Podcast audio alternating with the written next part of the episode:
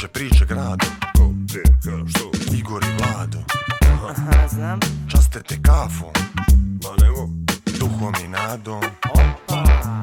Igor i Vlado. Zabave dosta. Igor i Vlado. Kulture sporta. Glavom i bradom. Vrhunski podcast.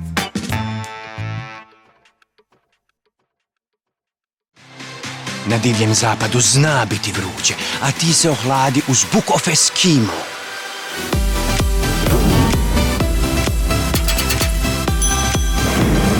Osjeti strast Expense igara. Samo na Meridian Online Casino. Igor i Vlado podcast, sezona 5, epizoda 9. Gost, Vuk Pejović, powered by... Meridian Bet. Dobre, dobre, dobre, znamo kako ide ovo. Posle devet epizoda ovdje. Dobro, Poslije čisti se. Usisavamo ga redovno. Dobro. Ajde. Dvije stvari. Prva stvar, da skratimo uvod, Obavezno. da bi gost imao više vremena za ovo. Druga stvar, kako nas je krenulo s komentarima, ja sam, baš sam prezadovoljan. Jel? Jeste, jeste. Počeli ljude pitaju kafanu mene, ono ti dopala piješ i to. Mhm. Vidi se da ljudi prate podcast, vidi se da prate ovaj dio. Stalno će, počeli su zahtjevi neki, daj malo manje sporta, daj malo više sporta, daj malo visočih momaka, daj malo nižih djevojaka. Tako da mislim da je to, da je to dobro. Misliš? Stvarno mislim da je dobro. Stvarno Dobro. mislim da je dobro. I? Ovaj, I ništa. Bio si u Škotsku? Jesam. Bio sam u Škotsku i samo ću jednu malu stvar, malu tajni, što bi Ajde. rekli braća Škoti. No, dobro. Ovaj, Nadam se da ne mislimo na isto. ja sam livoruk. Ne I- mislim. Ne mislim. I podizanje u sistemu, ovo, gdje se vozi desnom stranom, je Dobro. dosta zeznuto.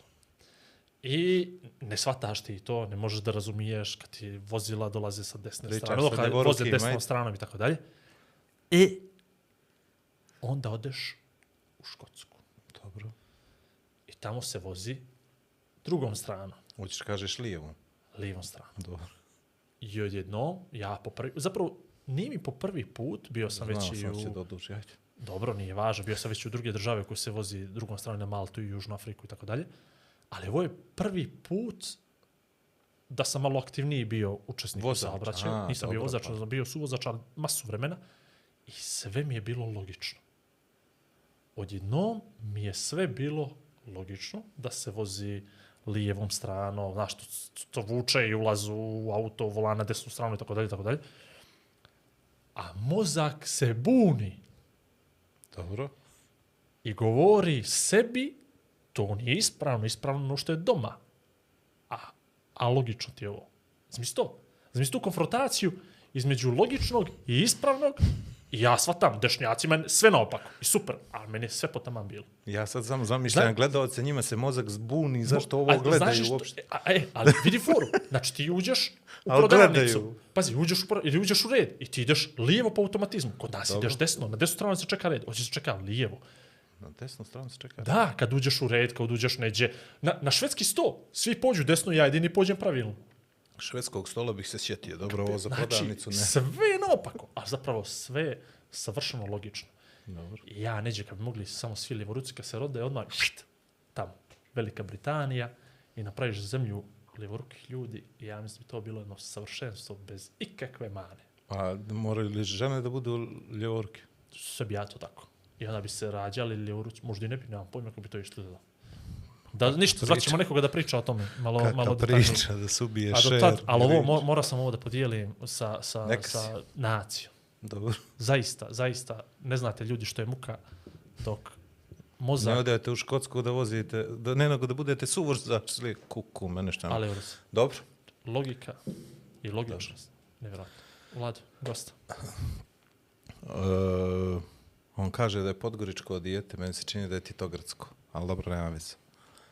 Interesantno mi je Njegov... njegov... ćemo mu po majici. E, a interesantno mi je to da je uspio da uradi nešto što sam možda ja htio, ko klinac, da budem dio sportskih kolektiva i svog grada. Sad me nije volja. A da se ne baviš sportom. A pa ako se ne baviš sportom, da, znaš, makar nekako da učestvuješ, da, to, to je fenomenalno. Znači, to mi je, malo sam ljubomoran na njega, znaš to, zato što je uspio da, da vidi kako to, odnosno osjećao je kako to izgleda van sistema, a onda ušao u sistem, sad je li pomogao ili nije pomogao, to ćemo da vidimo. A putovo je dosta. Ne bi mogao s njim futbala da igram. Milije mi ga je vidjeti na drugu stranu, to definitivno. Zato što ima taj poriv da dobija one ocjene za stil, znaš, visoke, a rezultat jes mu bitan, ali da, A izvedno ovako sve, sve, sve hoće ono, znaš, u, u gornje Aha, raške. Nije spolj, nema spoljnu, to ga spašava. I ovaj, čovjek s kojim ja šedem 15 minuta, ostane mu sati 45 kako je bilo u nedelju, tako da mislim da je sasvim dovoljno snimali preduslova. ništa? A, nismo. Niste snimali, Ni- nego smo se dogovarali da snimamo. Tako da, ovaj, tako da mislim da, da Podgoričani, Titograđani znaju dobro Vuka Pejovića, a ostatak Crne Gore će ga upoznat kroz ovaj podcast. Misliš da ga ne znaju? Ne, A? ne znaju. Znaju ga. Znaju ga, ali sad će bolje da ga upoznaju. E, No. Dobro. Fair enough, što bi rekli. Eto tako. Valjda, Mogao sam ja još, ali ne, re, možda će neko da, možda će on da umisli da sam ja nešto emotivan prema njemu ili tako nešto. Tako da, polako. Ja znakad. mislim, još niko nije kuvao kafu do sad koji je znao da skuva kafu. Jel? Nego smo vas da nešto priučavali, obučavali, doučavali ođe ljude. Dobro, s obzirom da je radio u turizmu, vjerovatno je sad je blizu jako kafe, Kafe. kafea, Kofeina. kofeina, kafeina. Aj dobro, hoćemo li da ga puštimo da ti skuva Ajde. kafu? Ajde, A, vuč, vuč, ako može. izvoli. E, to, Dobro, ništa, dobar man, ne pruštaj ruku i to. Mi, mi ne pružamo ruku gostima i to. Samo s kontra strane, Šajo voli Ja to da ga snimiš. i, I ja ti? s tobom u Škotsku. E, samo moraš da staneš sa kontra strane da bi se vidjelo kako E, kuvaš to, kafu. to, E, to, to. to. Ja sam ljevak, tako da... I ti si ljevak. i ti, i Vlado. Ja sam ljevak. to. Šajo, prebačaj olovku iz desne u lijevu. Hit. Ti dobiješ do pola, da pola, da pola. Samo šolje su stavio, jesi, jel? Jes, breče, šta? Sve drži nadak. Ja ti kažem, od sad samo se radimo s ljudima miris, baš dobro znam. miris kimba. Ne, Moraš da kažeš da. Da. Moraš da kažeš da. ne, nego nešto sam došao. Bez osjećaja za mir. Šalim se. A, E, hvala. a sebi? I sebi, jel? I sebi, šta, sebi, ako hoćeš sebi, da piješ kafu, Ja ti je neću skuvat, pa ti... Mislim, kad ide tako dobro, čoveče, ja bi te ostavio tu samo da kuvaš ako, kafu. ako bude zaškripalo, mogu ođe. Vidi kao specijalni gost. Kako? Kao specijalni specijalna jedinica. Evo ga kao Peđa Radošević što se tiče kafe. Svaku epizodu specijalni gost sprema kafu umjesto pravog gosta. To i je bude to. tu kao podrška treće Nije ljevog. nego dobaca. Viš, ja nisam znao da si ti lijevak čovječe. Ko? Ja. Pa mi smo mogli da nazovemo podcast lijevi podcast. tako Meni je majka prebacila o, olovku iz lijeve u desnu ruku s Isto. pet godina Isto. i napravila od mene Isto. to kad, mi, Moraš kad, gore. pričaš, kad pričaš da mi se buni glava, meni se stalno buni glava. Isto, ja sam pišem desno, ali šutiram lijevo. Pa ja šutiram isto lijevom, pišem Još mi desno. tjeri se da pišeš desno i šutiraš lijevo. Piše lijevom, šutiram desno. Eto ti. Znači, sve zdravog ga u Zdravog nema.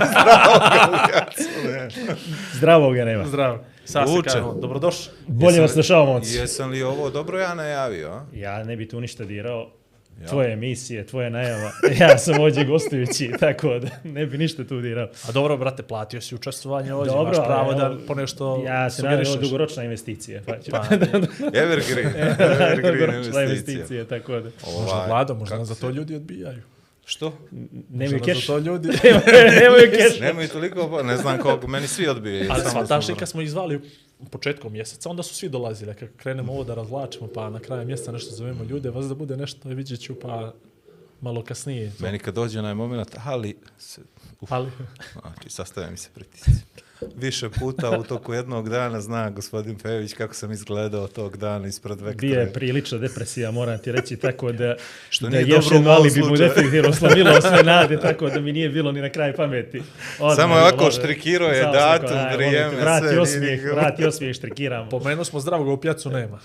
Kako se osjećaš ti kao, kao, kao kreator toga remek dijela koje živi među nama, evo kolika, peta, četvrta, peta godina? A dobro, to je Možda stvarno i više. više možda, može i više biti od toga, jeste. Brzo vrijeme ide. Dobro, to je ono, kako da kažem, ona obična podgorička, jeli, a, dokolica ujutro, kafa, zezanje. I tako je došlo da je stvarno se zadesilo da to jutro na kafu prošle 3-4, ajde rečemo, ludaka pored. I ja sam ovaj, onako iz nekog, ajde, iz Zancije rekao, ovaj grad zdravog u pjacu nema ovdje i to je tako ostalo. Vrijeme je pokazalo, nažalost, da sam sve više u pravu.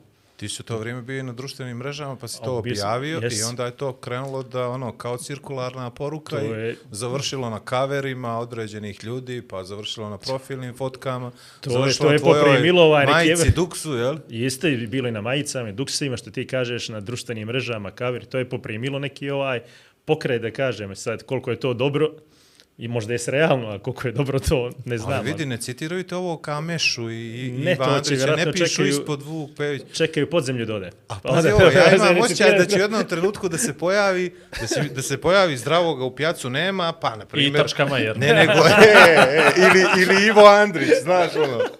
A i, i, mislim da je dobro da imaš pisani trag, odnosno video dokaz da si ti baš taj. Ja, Evo, ja, zahvaljujući sad podcastu vašem, vjerovatno će to ostati za buduće generacije kao neki legacy, jeli? To je Da to, zna, nama je to da- najbitnije. mene je drago ove škotske riječi smo počeli da koristimo od samo na početku. Tako da, da. Ne, Lena si da- kupio na tajni. Na, na, Tajni. na tajni, da.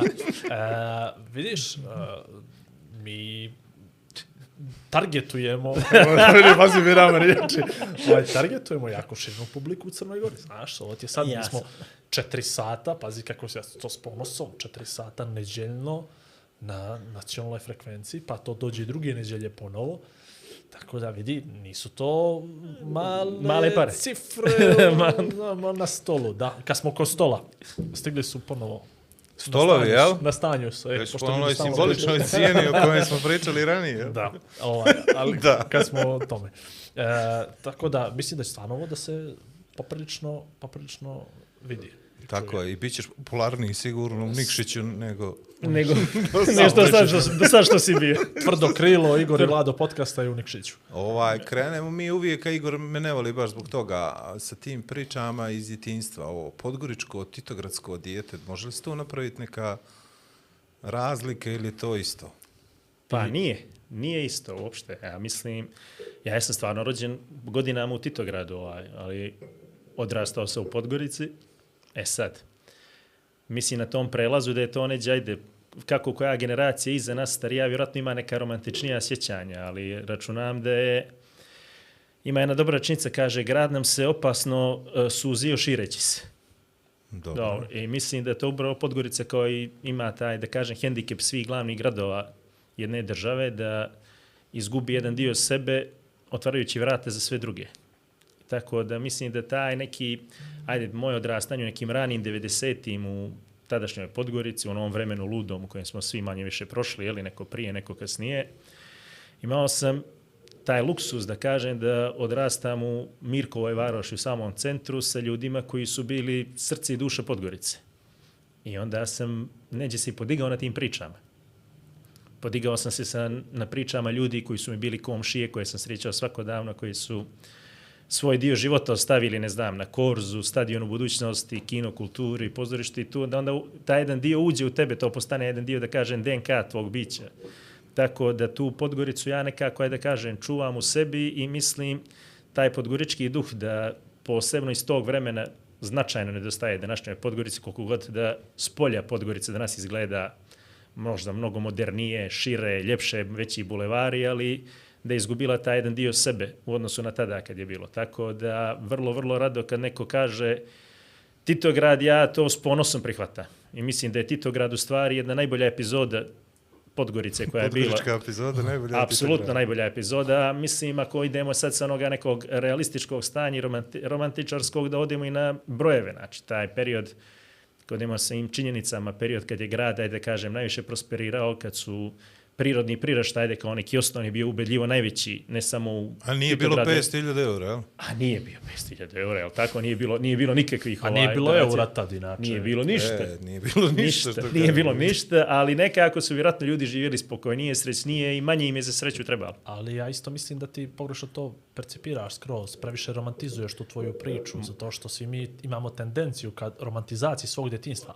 ali u današnje vrijeme svaki novi e, prirodni, mislim da ljudi prirodni priraštaj u Podgorici pogrešno percipiraju, jer danas jedan mali Bjelopoljac, jedan mali Kotoran, jedan mali Baranin su zapravo stanovnici Podgorice budući. I to je i to nema ništa sporno. Nema, nema, ne, nema ništa nema. sporno u A tome. ključno je kad naprotiv. je rekao budući, E, ne, ne, naprotiv, budući, nema da. ništa sporno u tome. Na, to je to je u stvari sudbina svih gradova koji ide, to je sudbina i Zagreba i Beograda i Ljubljane, da idemo šire u većim evropskim gradovima, tu samo što mislim da mi koji smo ostali, koji smo, ajde da kažemo, nosimo neko nasledđe toga starog Titograda i Podgorice, bi valjalo da se to malo čuje i sačuvamo ga u sebi zarad nekih Tako je. budućih generacija. Mislim A da- naravno, Mislim da je Podgorica- to da mislim da je to najveći problem da to što ste imali ili što još uvijek imate, ali pogotovo ta ekipa iz centra koje ti pripadaš, da ste vi to slabo nekako čuvali, da ste uspjeli nekako da ti si kriv. ja sam, ja sam najviše. Ali ako ti što Ne. znači, meni je najmilije s vama što se tiče Podgorice. Pa i bio meni sam je- i na Zabijelu, ovaj, bio sam i... Meni je milo što je tebi milo s nama i mene je,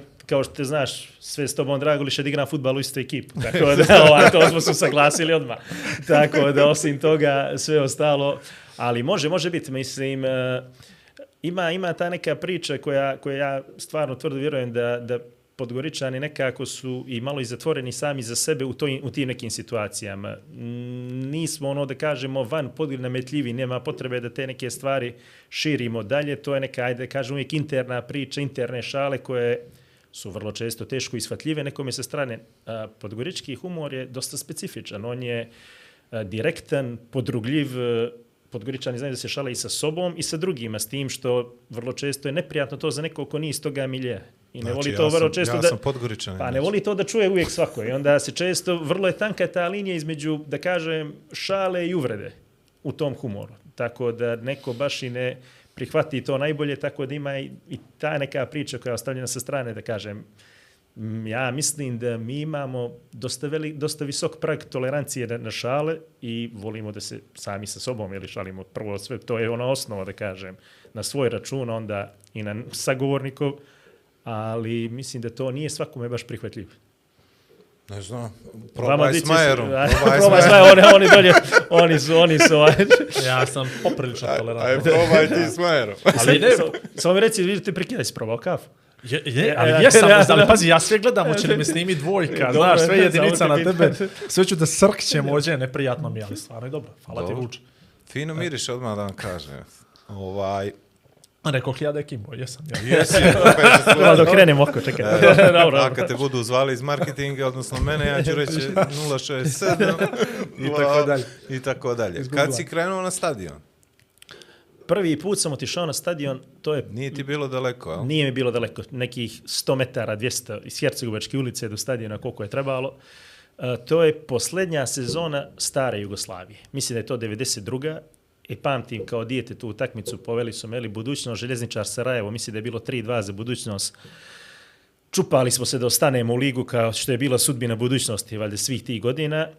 Naravno, prije toga su uvertira bila, jeli, to je, tada je to drugačije izgledalo u Podgorici, ovaj, ljudi su onako sa onim malim čkanjivima sjeđeli ispred kuće, čekali utakmicu, onda u nekom širem društvu, jeli, starijem, sam pošao i zapamtio sam to da je to bila ono sezona, ja mislim da je ta sezona već bila da su klubovi ili iz Hrvatske ili iz Slovenije već odustali od velike lige, da su tu bili klubovi Srbije, Bosne, Makedonije, budućnost i Sutjeska, koliko se sjećam, kao dijete i to je bio neki prvi ovaj susret sa stadionom.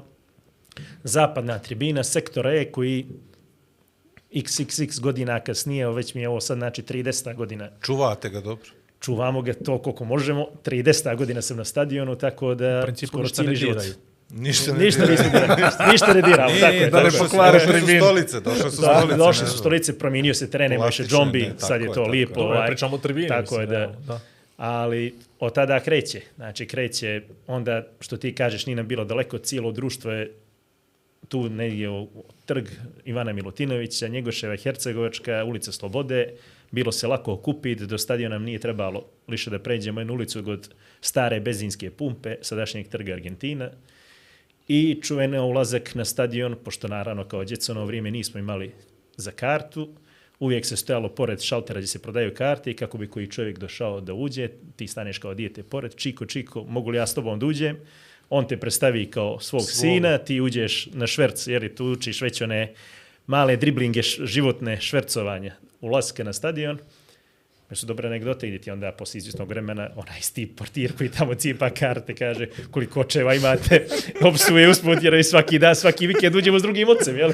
A ovaj, na, na stadion, ali to su, to su ovaj neke... Ne, ja nisam servis, ne smijem sad šta mi je palo na Dobro, To ne, su, to su ovaj neke, e, mislim, tu se učili neki mali, ajde da kažem, ulični trikovi koji su stvarno ulazak u kino kulturu, e, tri čovjeka, tri nas na jednu kartu, pa guranje, pa onda on zna da hoćeš da ga prevariš, ali te pušti za to što vidi da si, vici, ja ne znam, Nas dvojica na dvije karte. da, to je to je već stare, dakle, to je već ono iza, iza koje smo naslijedili, da rečem, na te priče.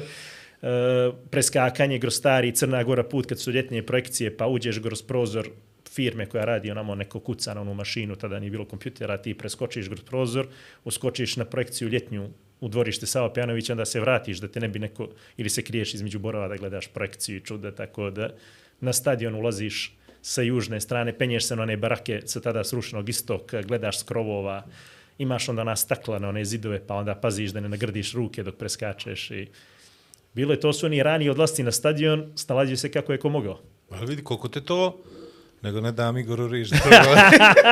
Ne, ja sam htio istočnu tribinu da pomene. Mislim, to je neka zaostaština koju vi baš njegujete, jel? Pa, To da je nema. Je, Te, toga nema, baš ovaj, mislim, ja nisam, ja ne sjećam se, naravno, slušao se priča o čuvenom stajanju i onome što su generacije starije bile tamo i to je to bila neka najfrekventnija publika do pojave, do pojave Varvara i grupacije koja prati klub i to je bila onako publika koja je bila ubedljivo, ubedljivo najsrčanija, da kažem, na svim priča, ja ga nisam doživio, nisam, ne sjećam ga se, ali sjećam se samo zida i, i, onih, i onog drveća, onih košćela preko kojih smo se penjali da bi gledali utakmicu sa, sa te strane kad je prijem pravog juga, jer ja sam kao os, znači, s s peti i šesti osnovne škole ili četvrti slagaću, tada je bilo najčuvena baraž utakmica budućnost Vojvodina mm -hmm. za Inter Toto Kup i za Kup UEFA, tada su se prvi put ponovo kupili Varvari posle onih ratnih godina i ja sam kao dijete bio dio tih 50 ljudi tu na, na toj tribini. E, kad smo mi dobili 3-1 u Podgorici, izgubili smo 4-1 ili 5 5-2 smo u stvari izgubili u Novom Sadu, Vojvodina otišla u kupu UEFA, mi u Inter Toto, onda su slijedile sankcije, zabranjeno je svim jugoslovenskim klubovima da igraju, osim klubovima koji su igrali u Inter Toto. Tako da je budućnost jedina igrala u Evropu te godine sa, Tako sa Iraklisom, sa Bayer Leverkusenom, sa Anatorzisom, sa, mislim, Estonskom Nervom, s tim što smo bili domaćini u Beogradu, ne, ne, jer Podgorica nije zadovoljavala uslove tada, tako da smo tu prvu evropsku odiseju ispratili preko radije, da nije bilo čak ni TV Tako prenosa. je, nije bilo TV Nije bilo prenosa, da. tako smo slušali kolegu Bućina, čini mi se, i one čuvene rečnice tu ko je jako, tik pored stative i slično, To, to, koje, to, koje je to. sveć antologija sad na radiju. Tako. Jasno. A, uvijek zapad, jeli? Nije bilo Nije, tih... nije, ne, daleko, mislim, uvijek zapad. Počeli smo na zapad, jer ja sam onda bio te 94. na tom sjeveru kad su se prvi put okupili Varvari, koji su kasnije prešli na jugu. I bio sam dio, dio navijačke grupe dugo.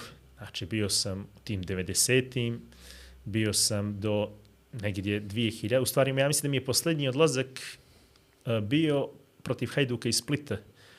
I to ćemo stići do toga na posebna anegdote, sam tada radio radio sam kao svršeni student u Grčkoj u sred turističke sezone u jednom ekskluzivnom hotelu i morao sam baš dobro da, morao sam da iskoristim one trikove ulaska s početka priče na stadion da, da bih se izvukao s Halkidikije i došao u Podgoricu da gledam budućnost Hajduk. To je bila 2000... To je bila 2008. godina. Osma, Jeste. Tada je priča bila, ja sam radio jednom ekskluzivnom rezortu u Grčkoj, da Beach Resort gdje su gosti bili ekstremno bogata klijatela. Noćenje je bilo u rangu od 5 do 10 hiljada eura i gdje u sred sezone mi izlačimo Hajduk iz Splita i naravno srećom sam imao sjajnog cimera Portugalca koji je vatreni navijač Porta i svata, razumijeli smo se na prvu što se kaže i bukvalno sam ga zamolio da mora da me pokrije tih 3-4 dana jer dolazi Hajduk u Podgoricu i to je posle Nela Korunje prva velika utakmica, velika, velika da kažem u Podgorici i izmislim priču, jeli, da mi je ne daj Bože da kucam neku preminu u porodici, jer to bi jedini način da dobijem tri dana slobodno iz hotela, s obzirom da sam bio vezan ugovorom i da je to već bilo vezano za fakultet. Krenem na stop s Kalkidikija do Soluna, u Solunu uhvatim voz za Skoplje, u Skoplje uhvatim autobus za Peć koji se pokvari neđe blizu Peći na nekoj, u sred ničega u tri ujutru i onda stopiram iz Peći do Rožaja, onda opet u Rožaju hvatimo autobus da dođem u Podgoricu rano ujutro, neđu u 7-8 ujutro, ne govoreći mu ima naravno da sam, jer oni žive u Luzi, da sam ja u Grčkoj da radim i otplaćujem svoj fakultet i ono, samo se pokucao na vrate i samo se, "Pa, što radiš ti čovječe? Rekao, dobio sam dva dana slobodno. Kakva dva dana slobodno i onda ja naravno radim. Aha, budućnost, Hajduk došao. Čak je tada Sekula, Aleksandar Sekula koji je radio kao novinar arene, izbacio jedan lijep tekst u tadašnju arenu kao on izračunao tačnu kilometražu i koliko sam transporta promijenio da bi došao do utakmice. Tada sam bio na Čever i to je bilo onako utakmica posebno za sebe. Posebno je što teško palo na onih 40 plus podgoričkih što su nas držali zaključane jedno dva i po sata, tri onamo na Čever dok nisu gosti došli do Torcide, dok nije došlo u Dubrovnik, ja mislim tek su onda otključali sjevernu tribinu. I Dobro, specifična je bila predigra za tu baš utakmicu. je bilo, pa- sve je bilo specifično tu utakmicu. I od tada sam se vratio, da kažem, na zapad. Tako da sam zato, ispunio... Zato ti i pitam, E. zato što sam ja radio tad kao reporter Atlasa za, za tu utakmicu, ovaj, uključivao se s ulice, sa, i čak smo montažer Luka Živković i ja, mislim da je Peđa Njunjić radio, bio snimatelj, napravili smo bili jedan video koji je bio baš onako dosta efektan, ne mogu nikako da ga nađem na YouTube-u, a znam da smo ga objavili, gdje je bilo to kao bukvalno opsadno stanje ovaj, i Podgoričke ulice nikad meni Ne, ne, bile baš je bilo. ono čudnije nego tad i sjećam se da možda tačno kad se ti vrati, onda dođe iz Grčke, ja ste opet negdje vidio u stvari prvi put na, na, na zapad. Tako Zato je, ti nisam pitam, bio, nisam bio, nisam bio ovaj... promašio sam tu tvoju epizodu sa, sa Sjevera. To je, to je bilo to i od tada se vratio, ta ista cijela ekipa, da kažem, manje više se vratila i ajde da kažem, neke godine, vjerojatno to su, to je neki period, već tada ja imam 24-5 godina, 6, odradio sam svojih 12, 13, 14 u navijačkoj grupi, odužio sam se, da kažem, i mo, znam, mogu da osjetim, znam svi momci koji pođu tamo kako oni to osjećaju, prošao sam to sa, sa većinom tih ljudi i dan danas sam ponekad odem često na tu navijačku tribinu, ne često, skoro uvijek kad igra reprezentacija da, da budem tamo, tako da znam kakav je to osjećaj i taj osjećaj jednom kad uđe, ovaj, ostaje uvijek, to je, mislim, nešto što je sasvim prisutno suđe na zapadu, bilo pođete u Engleskoj, Njemačkoj, Francuskoj, to je do smrti, što se kaže, god nas se to još uvijek gleda drugačije, vjerojatno je to malo i sredina i taj neka misla, da kaže, male sredine i svega, ali kad pričate sa nekim sa zapadi, tamo imate, ne, ne znam, u Engleskoj, u Španiji, Portugalu, advokate, e, profesore na fakultetu, da koji Obično su ne ona iz administracije E, ko krene iz Engleske u Tursku je. napravi da ne kažem što. iz duši na stadionu. Iz duši, tako je. Ali to je sasvim normalna stvar, jer tu su ljudi vođeni 100% emocija. I ja sam pristalica toga da emociju ne treba suzbijati nikad. Zarad toga što će neko drugi reći ili misliti ili što misli iz sredina, emocije postoji zbog nečega, emociju treba ispoljavati onako kako je doživljavaš. I mislim da je to suština svega. Jasno. Aj sad kad smo se već ufatili toga, a prije nego što puštim Igor opet nešto da progovori. Slobodno mi momci, kao da ja nisam ovdje, ja znači, pijem nikakav kafu, da. Ja pijem kafu. Zapad je taj čudan svuda. Ta zapadna Ta tribina, ali zapadna zapad tribina, veliki, da, zapadna pa to tribina. da To svuda čudno. Ja sjećam u tim mojim ranim sportsko-novinarskim danima prisustvovao sam jednoj utakmici, mislim da je bila prijateljska protiv Ljamurtarija ili protiv, ne znam, nikog. Izlazi Ivan Delić, mislim da je čak tad bio kapiten. Posle jedno 30 minuta nije briljirao da se ne lažem. Aplaudira čitava zapadna tribina svom igraču, svom zato što on izlazi napolje i sad ne znam da li aplaudira njemu što izlazi ili treneru što je odlučio da ga mijenja. I to mi Ili je cinični aplauz. Bravo, Pa, bravo. ne, nego, Ne, baš on frenetičan bio, što bi rekli ovi sportski novinari koji traže pravi izraz. A je li to uvijek tako bilo? Ne znam kako je... ili vam se nešto nakupilo tokom Nije, vremena? ne, ne, ne znam kako je bilo, ne znam kako je bilo prije, ali ovaj, strašno je teška, strašno je nezahvalna Podgorica za, za uspjeh, da se razumijemo, u svakoj, u svakoj sferi, ne samo u pogotovo za svoju djecu, čini Za svoju djecu je najteža. Znači, mi uvijek cinimo našu djecu više kad odu neđe sa strane i naprave te uspjeh neđe sa strane, da ga sasvim drugačije gledamo, a kao da ne kažem da se trudimo, ali nekako nam nešto ne da da im dozvolimo da uspiju uopće. I to, je, nije, to nije vezano samo za sport, to je vezano baš za sve sfere života. Znači, kogod pođe odavde i napravi neki uspjeh, a, mi hoćemo da ugrabimo taj dio uspjeha, da smo mi tu nešto zaslužili. To se zove procenat.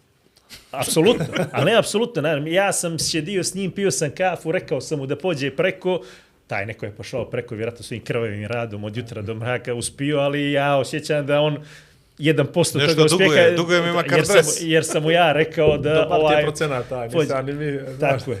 A Podgorica uzme mjeru svakome na neki dan. Mi nekako, ne znam, čini mi se da, da volimo volimo uspjeh, ali do, do onoga trenutka dok se svako ko je uspješan pokušava da se ponaša koliko god to može u skladu s nama sa ovima koji su manje uspješni, da tako rečem. Čim ga malo uspjeh uzme pod svoje, a, Podgorica se trudi što prije da ga vrati na zemlju. Dok vjerovatno negdje sa strane kad pođeš, on taj uspjeh cijene mnogo više, gledaju te ovaj, drugim očima, opet si u nekoj svojoj branši uspješan. Ovdje je sve to super, ali ajde, ipak nemoj sad ti mene da gledaš s visine, jer više dio se s tobom pio sa kafu prije nego što si uspio. Znam tako, te tako, ja, tako znam te ja, dobro, znam Tako odakle da, to, da to ima svoje. Tako da je strašno teško tu naći balans neki, to što kažeš. I ironija je, čini mi se, ironija je zaštitna, zaštitni znak ovaj Podgoričana i u šalama, i u priči, i u a, čak i u nekoj nervozi, u nekoj nervozi kad treba nešto, ajde, kad već ne mogu do kraja ili da opsuju, onda se sarkazam i ironija isplivavaju i to je neki odbrambeni sistem. Tako da ovo što ti kažeš, možda je taj neki aplauz bio ono, ajde, bolje da ne psujemo sad i ne ređamo sve redom, neka to bude znak. Jasno. Iako mi je sad, evo, ja iskreno se možda i ne sjećam te utakmice, ali ja recimo Ivana pamtim kao, kao jednog izuzetno kreativnog i super igrača na, za, u novoj generaciji budućnosti. Ja sjećam se tada tako, da- Ta generacija mi je posebno mila, mislim, Cila Ja, i ali- izuzetno jedna, možda i najbolja generacija Jugoslovenska, 8-7 godišta, ja mislim da je to generacija, ili 8-8 koji su bili prvaci Jugoslavije, tako da je to generacija koja je... A, sjećam se da, da nije bilo epiteta koji nisu dobili oni Petar Vukčević u to 45 minuta. Tako da, ovaj, zato me je zaboljelo. Nisam mogao da vjerujem da postoji toliki animozitet prema svom djetetu, bez obzira šta god daje, kako god daje i tako dalje. A, možda sam pogriješio utakmicu, ali priča je sigurno... Pa dobro, to je bilo, nije Blizu bilo, istine, nije bilo da ne domaćeg igrača da je- koji nije to prošao u dresu budućnosti. Ne, Jasno. sad nebitno koga pominjem. Ja mislim Jasno, da nije bilo ni nogi domaćeg igrača da to nije prošao. Apsolutno. To je neminovno. Izvoli. Ne, ne, slovo se baš lijepo dvojica. Ovaj, sla... Ne, znaš da su moje futbalske teme potpuno neinteresantne. Pa ne, evo, Znači, ćeš ti ja sad da ti napišem, šta će? Ne moraš da mi napišeš, baš neću, ja ću da ti prne temu, ti to znaš. Ajde, da pa, bolje, izvoli. va, va, vataj ga dalje za futbal. Dok- dok- dok dok si navrijen, dok si Ja sam navrijen. zove građevinske teme, ovo zapadna tribina, istočna tribina i to, znaš. Ovaj, koliko je taj, to što ti je sve blizu, evo pričao si malo prije o projekcijama, pričao si o kinu, kinu kultura, pričao si o stadionu, pričao si o tim podgoričkim legendama, romantizovanim, smislu za humor, to učiš, dojite to nekako, jel? Koliko ti to pomoglo, odnosno uticalo na tebe da budeš raznorodan i raznovrstan kasnije, jer ti nisi samo neko ko je navijač i nisi se samo pronašao kao neko ko je na tribini, nego si i uspješan bio student i završio si škole i radio si u turizmu i uspio si, ovo što sam ja rekao na početku, da budeš i u futbalu i u košarci na svoj način u različitim periodima svog života. Koliko je to bilo bitno što ti to sve podnosi, što bi rekli naši? Pa mislim da ovaj, najbitnija stvar svega toga je insistiranje mojih roditelja da odem i da studiram napolje.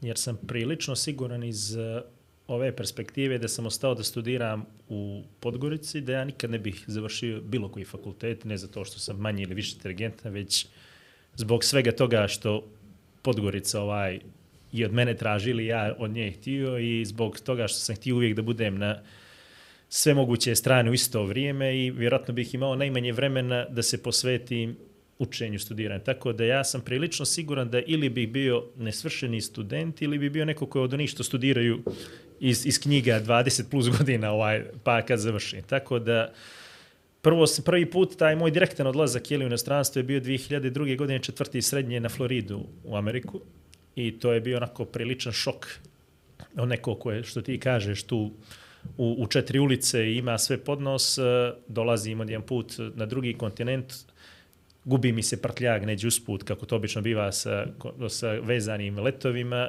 sa jednim ruksakom i dva para majica i donjeg veša dolazim, zaboravlja host family ta koja treba da me čeka, da me sačeka, nema nikoga, ja sam, e, vremenska razlika, ja sam neđe tamo ujutro, ne znam, popodne, 6, 7, 3 ujutro je 4, ne postoje mobilni telefoni, fiksni ne mogu da tražim, da zovem kući, da budim u tri ujutro, tako da ja ostajem sam na aerodromu u Jacksonville-u, nema nikog da dođe za mene, nemam prtljag, nemam ništa, imam 18 godina. To je strašan uvoz za jednu, za jednu seriju.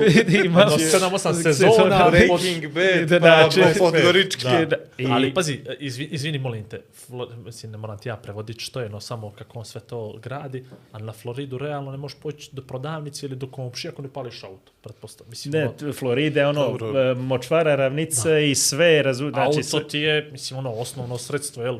Tako Takođe, da- ne znam. Ali ono, makar da je Miami, nego... ne, to je sjeverna Florida gdje je najmlađi... Jacksonville, gdje su Jaguars jedino...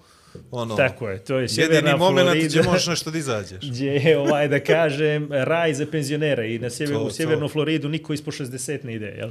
To se, tako da, ovaj, mislim... A kako sad tebe malo- zapade uopšte da Tako, odeš u takve sam, sreće, takve sam sreće bio, tako su mi izvukli na listicu, jer to je onaj program završavanja uh, srednje škole, jeli, koji se prijaviš, ta me familija izvukla vezu, i, i, i, nisam imao vezu.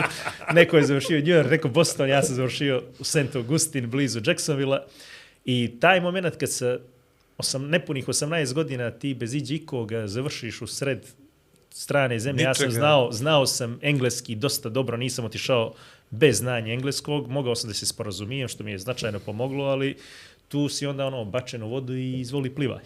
Tako da mi je taj, mislim da mi je taj trenutak baš dosta okrenuo i životni, jer sam se tu, ajde da kažem, došao do neke polis, policijske stanice tamo, pa onda uh, onaj njihov imenik, kao na američki film, uzmeš imenik pa tražiš prior, pa onda se poni kao, jo, ti si sad stigao, trebao si šutra, jer ako nisi trebao mi kartu, šest mjeseci unaprijed da se nadršim, pa onda čekaj njih da dođu St. Augustin do Jacksonville, nekih tri i po sata vožnje, a dok dođu oni pa te vraću nazad, pa onda 12-13 dana mi nema prtljaga dok oni ne ukapiraju da on u Budimpešti, jer se ja tada letio Podgorica, Budimpešta, Budimpešta, Frankfurt, Frankfurt, Washington, Washington, Jacksonville, promijenio sam pet letova da stignem tamo i kad sam se, ajde, sve to tamo prožitamo sam ovaj srednju, onu njihovu srednju školu, kako to obično biva, igraš futbal za, za školu, igraš te lige, to je, ajde da kažem, najljepši dio bavljenja sportom. I onda kad sam se Tu vratio... si kapirao da ne znaš, jel? Tu sam skapirao da sam mogao da napravim ugovor, ali sam rekao ne treba. ne treba mi, hoću da se, hoću da se bačim na knjigu, ovaj, definitivno. ovaj, definitivno ugovor nije trebao. I onda kad mi je trebalo ponuđeno da, da studiram u inostranstvo, to mi, i to još u Grčku, to mi je bilo kao da studiram ono preko ulice, posle bukvalno, jer sam dobio neku stipendiju A je Grčke ambasade. možeš stopom. Tako do kuće. tako Da. tu do, do, do, do, do Rože. krfa mi je bilo baš, baš preblizu.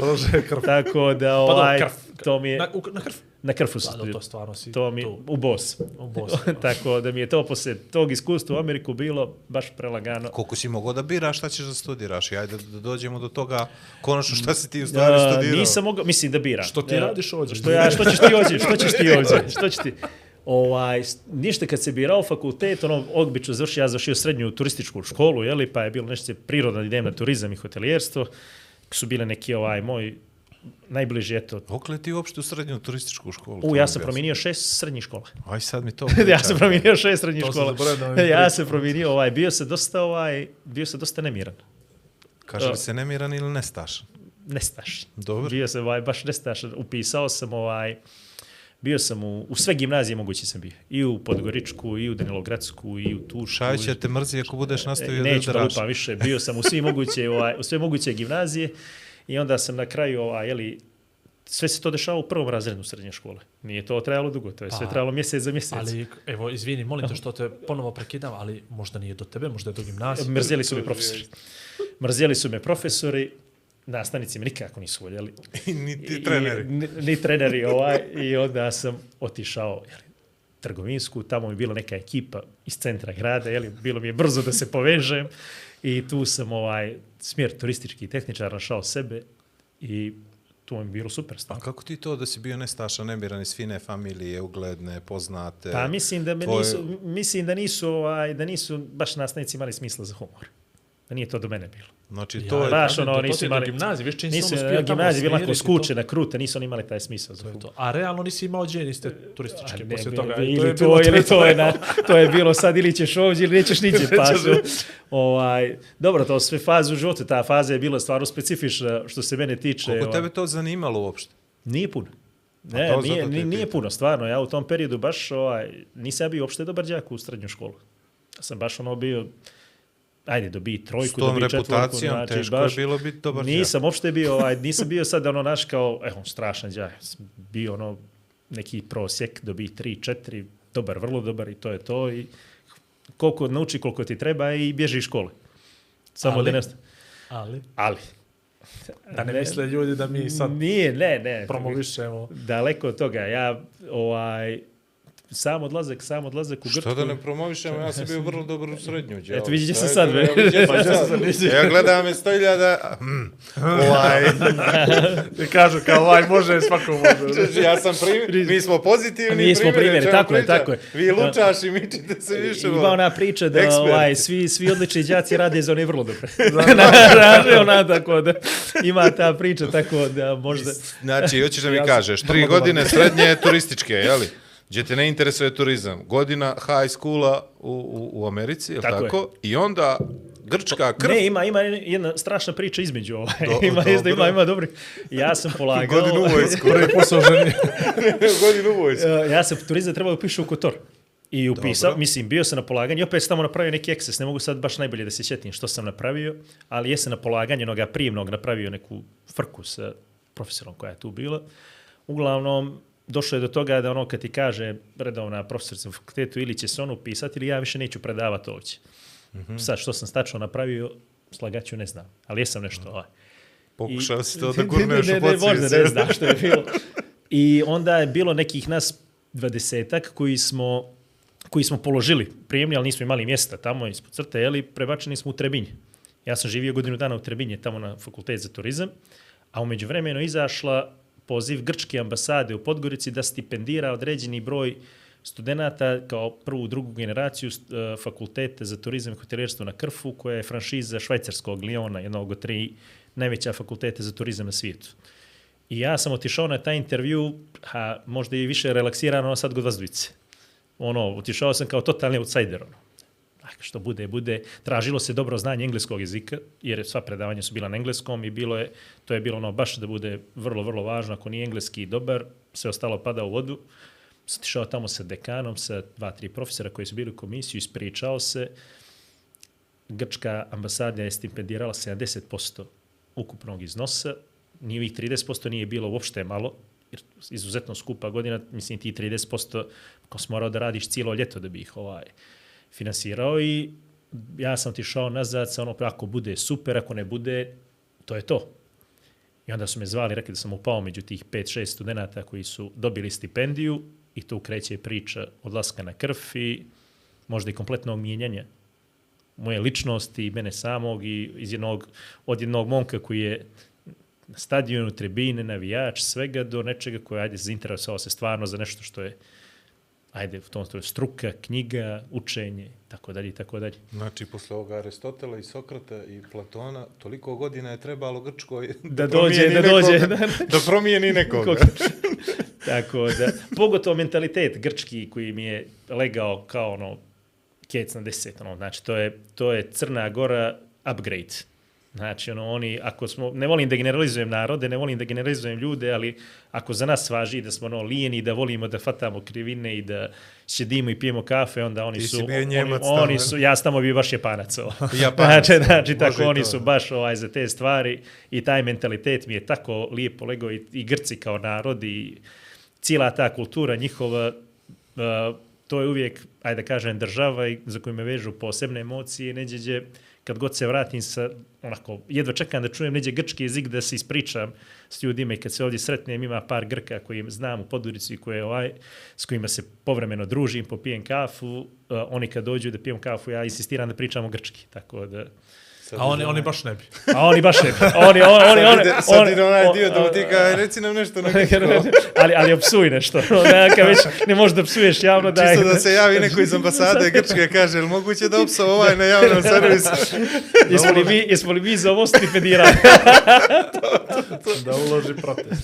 Dobro, pa ja sam bio skoro na krfu i, i mogu da ti kažem, ti si kad si bio zadnji put tamo? ja na krfu nisam bio, puf, nisam bio skoro 10 plus godina. Da, ja sam bio u februaru, znači isto je. Isto. Isto, isto, isto, isto. to sad ja ti kažem. otprilike. Ali dobro, bio si u februaru, ja, mi smo bili na krfu, od, od- godine su bile školske, kažem, od septembra do, do aprila, tako da nisam nikad fatao ljeto na krfu. E, u Uvijek februaru sam bio, isto. isto, sve isto, ne, sve na isto mjesto. Isto, isti ljudi, isto, sve, sve isto. Milo mi je, Milo prošli. su pitali Ista za mene, su rupa. pitali tamo za mene. Ista rupa, iste, isti asfalt, sve isto. Isti smješta, sve. Da, bravo, ti si bio na krfu za ovaj X3 tour. Da. O, Da ne, Evo, sad ne- čovjeka ne da te provede kako treba, vjeruješ sad daš. Znači, ovo bi trebali da snimamo dva puneđenja da ja stignem. Da stigneš sve gdje si Da bio da ispričaš. Će mi u Što ti se najviše sviđalo na krfu? A, ne znam, baš, baš, će, baš će glupo da zvuči, ali stvarno ništa. ovaj, istorija im je, pa dobro, ja moram. Dobro, to je jedino Zaista ostrovo koje nije pripada, koje Zato nije ti pripada ne. Tako. I, i Zato osjeća ti ne se to, gostuješ u našem to, podcastu. osjeća se to, osjeća se, pa da, ignorišem ga što dobacuje. Ovaj, zaista, mislim, krv, ono kaže imaju lijepe plaže na sjeveru, ono, ali, znaš, tamo je, ne smijem reći sve naopako, je baš je ono glupo da generalizuješ, ali stvarno jedno školski primjer kako ne treba. Znaš, nešto... Za to se meni sviđalo. E, da, da, ali- za to ali- se meni ali sviđalo. stvarno je tako, Za to- jer Meni je hoćeš- pokazao jedan video s putevima, znači. Kad Ajde, odeš neđe, kad odeš neđe, kad stvarno želiš nešto da, da vidiš, da naučiš, da preneseš, da uzmeš, valjda, valjda putujemo zbog toga, jel, da vidiš nešto. I ono, budem tamo, pazi, četiri dana, pet dana od jutra do mraka sa puno ljudi, sa mnoštvo sastanaka, sa svega. I ono, pokušavaš no, nešto da done, nešto da izvučeš iz tega. No, tražiš taj najbolji dio i ono, ne znam, valjda i mi smo ovdje dosta napredovali, mogu da ti kažem. Mi Ono, smo, Generalno, Crna e, sad ću Gora je... ti samo ovo kad, E. kad već Igor pominje da ti kaže koliko smo mi napredni ovaj, u odnosu na to. Tamo na tom listonu koji je glavni trg na Krfu, jel, ima jedna ogromna livada, pošto je dominantan britanski uticaj na Krfu i ta livada se čuva e, za dva put godišnje u znak historijskih, da sad ne ulazimo događaja, gdje oni igraju kriket i igraju kriket i to sada pozdravlja taj jeli, kulturološki aspekt britanske, s obzirom da to bila predivno šišana trava, jedan Wembley, kako smo ga mi doživjeli kad smo došli, jer ja sam tamo bio među 20 plus crnogoraca sa sve tri godine koji su bili. Mi smo odmah otišli do obližnjih kafana, uzeli gajbe prazne Coca-Cola, napravili stative, gurnuli loptu i počeli da igramo gdje su ljudi bukvalno koji žive preko puta te livade, neće da pregaze livadu, nego idu okolo i kruže puta tri da bi došli do kuće, da ne bi gazili ili čuvali.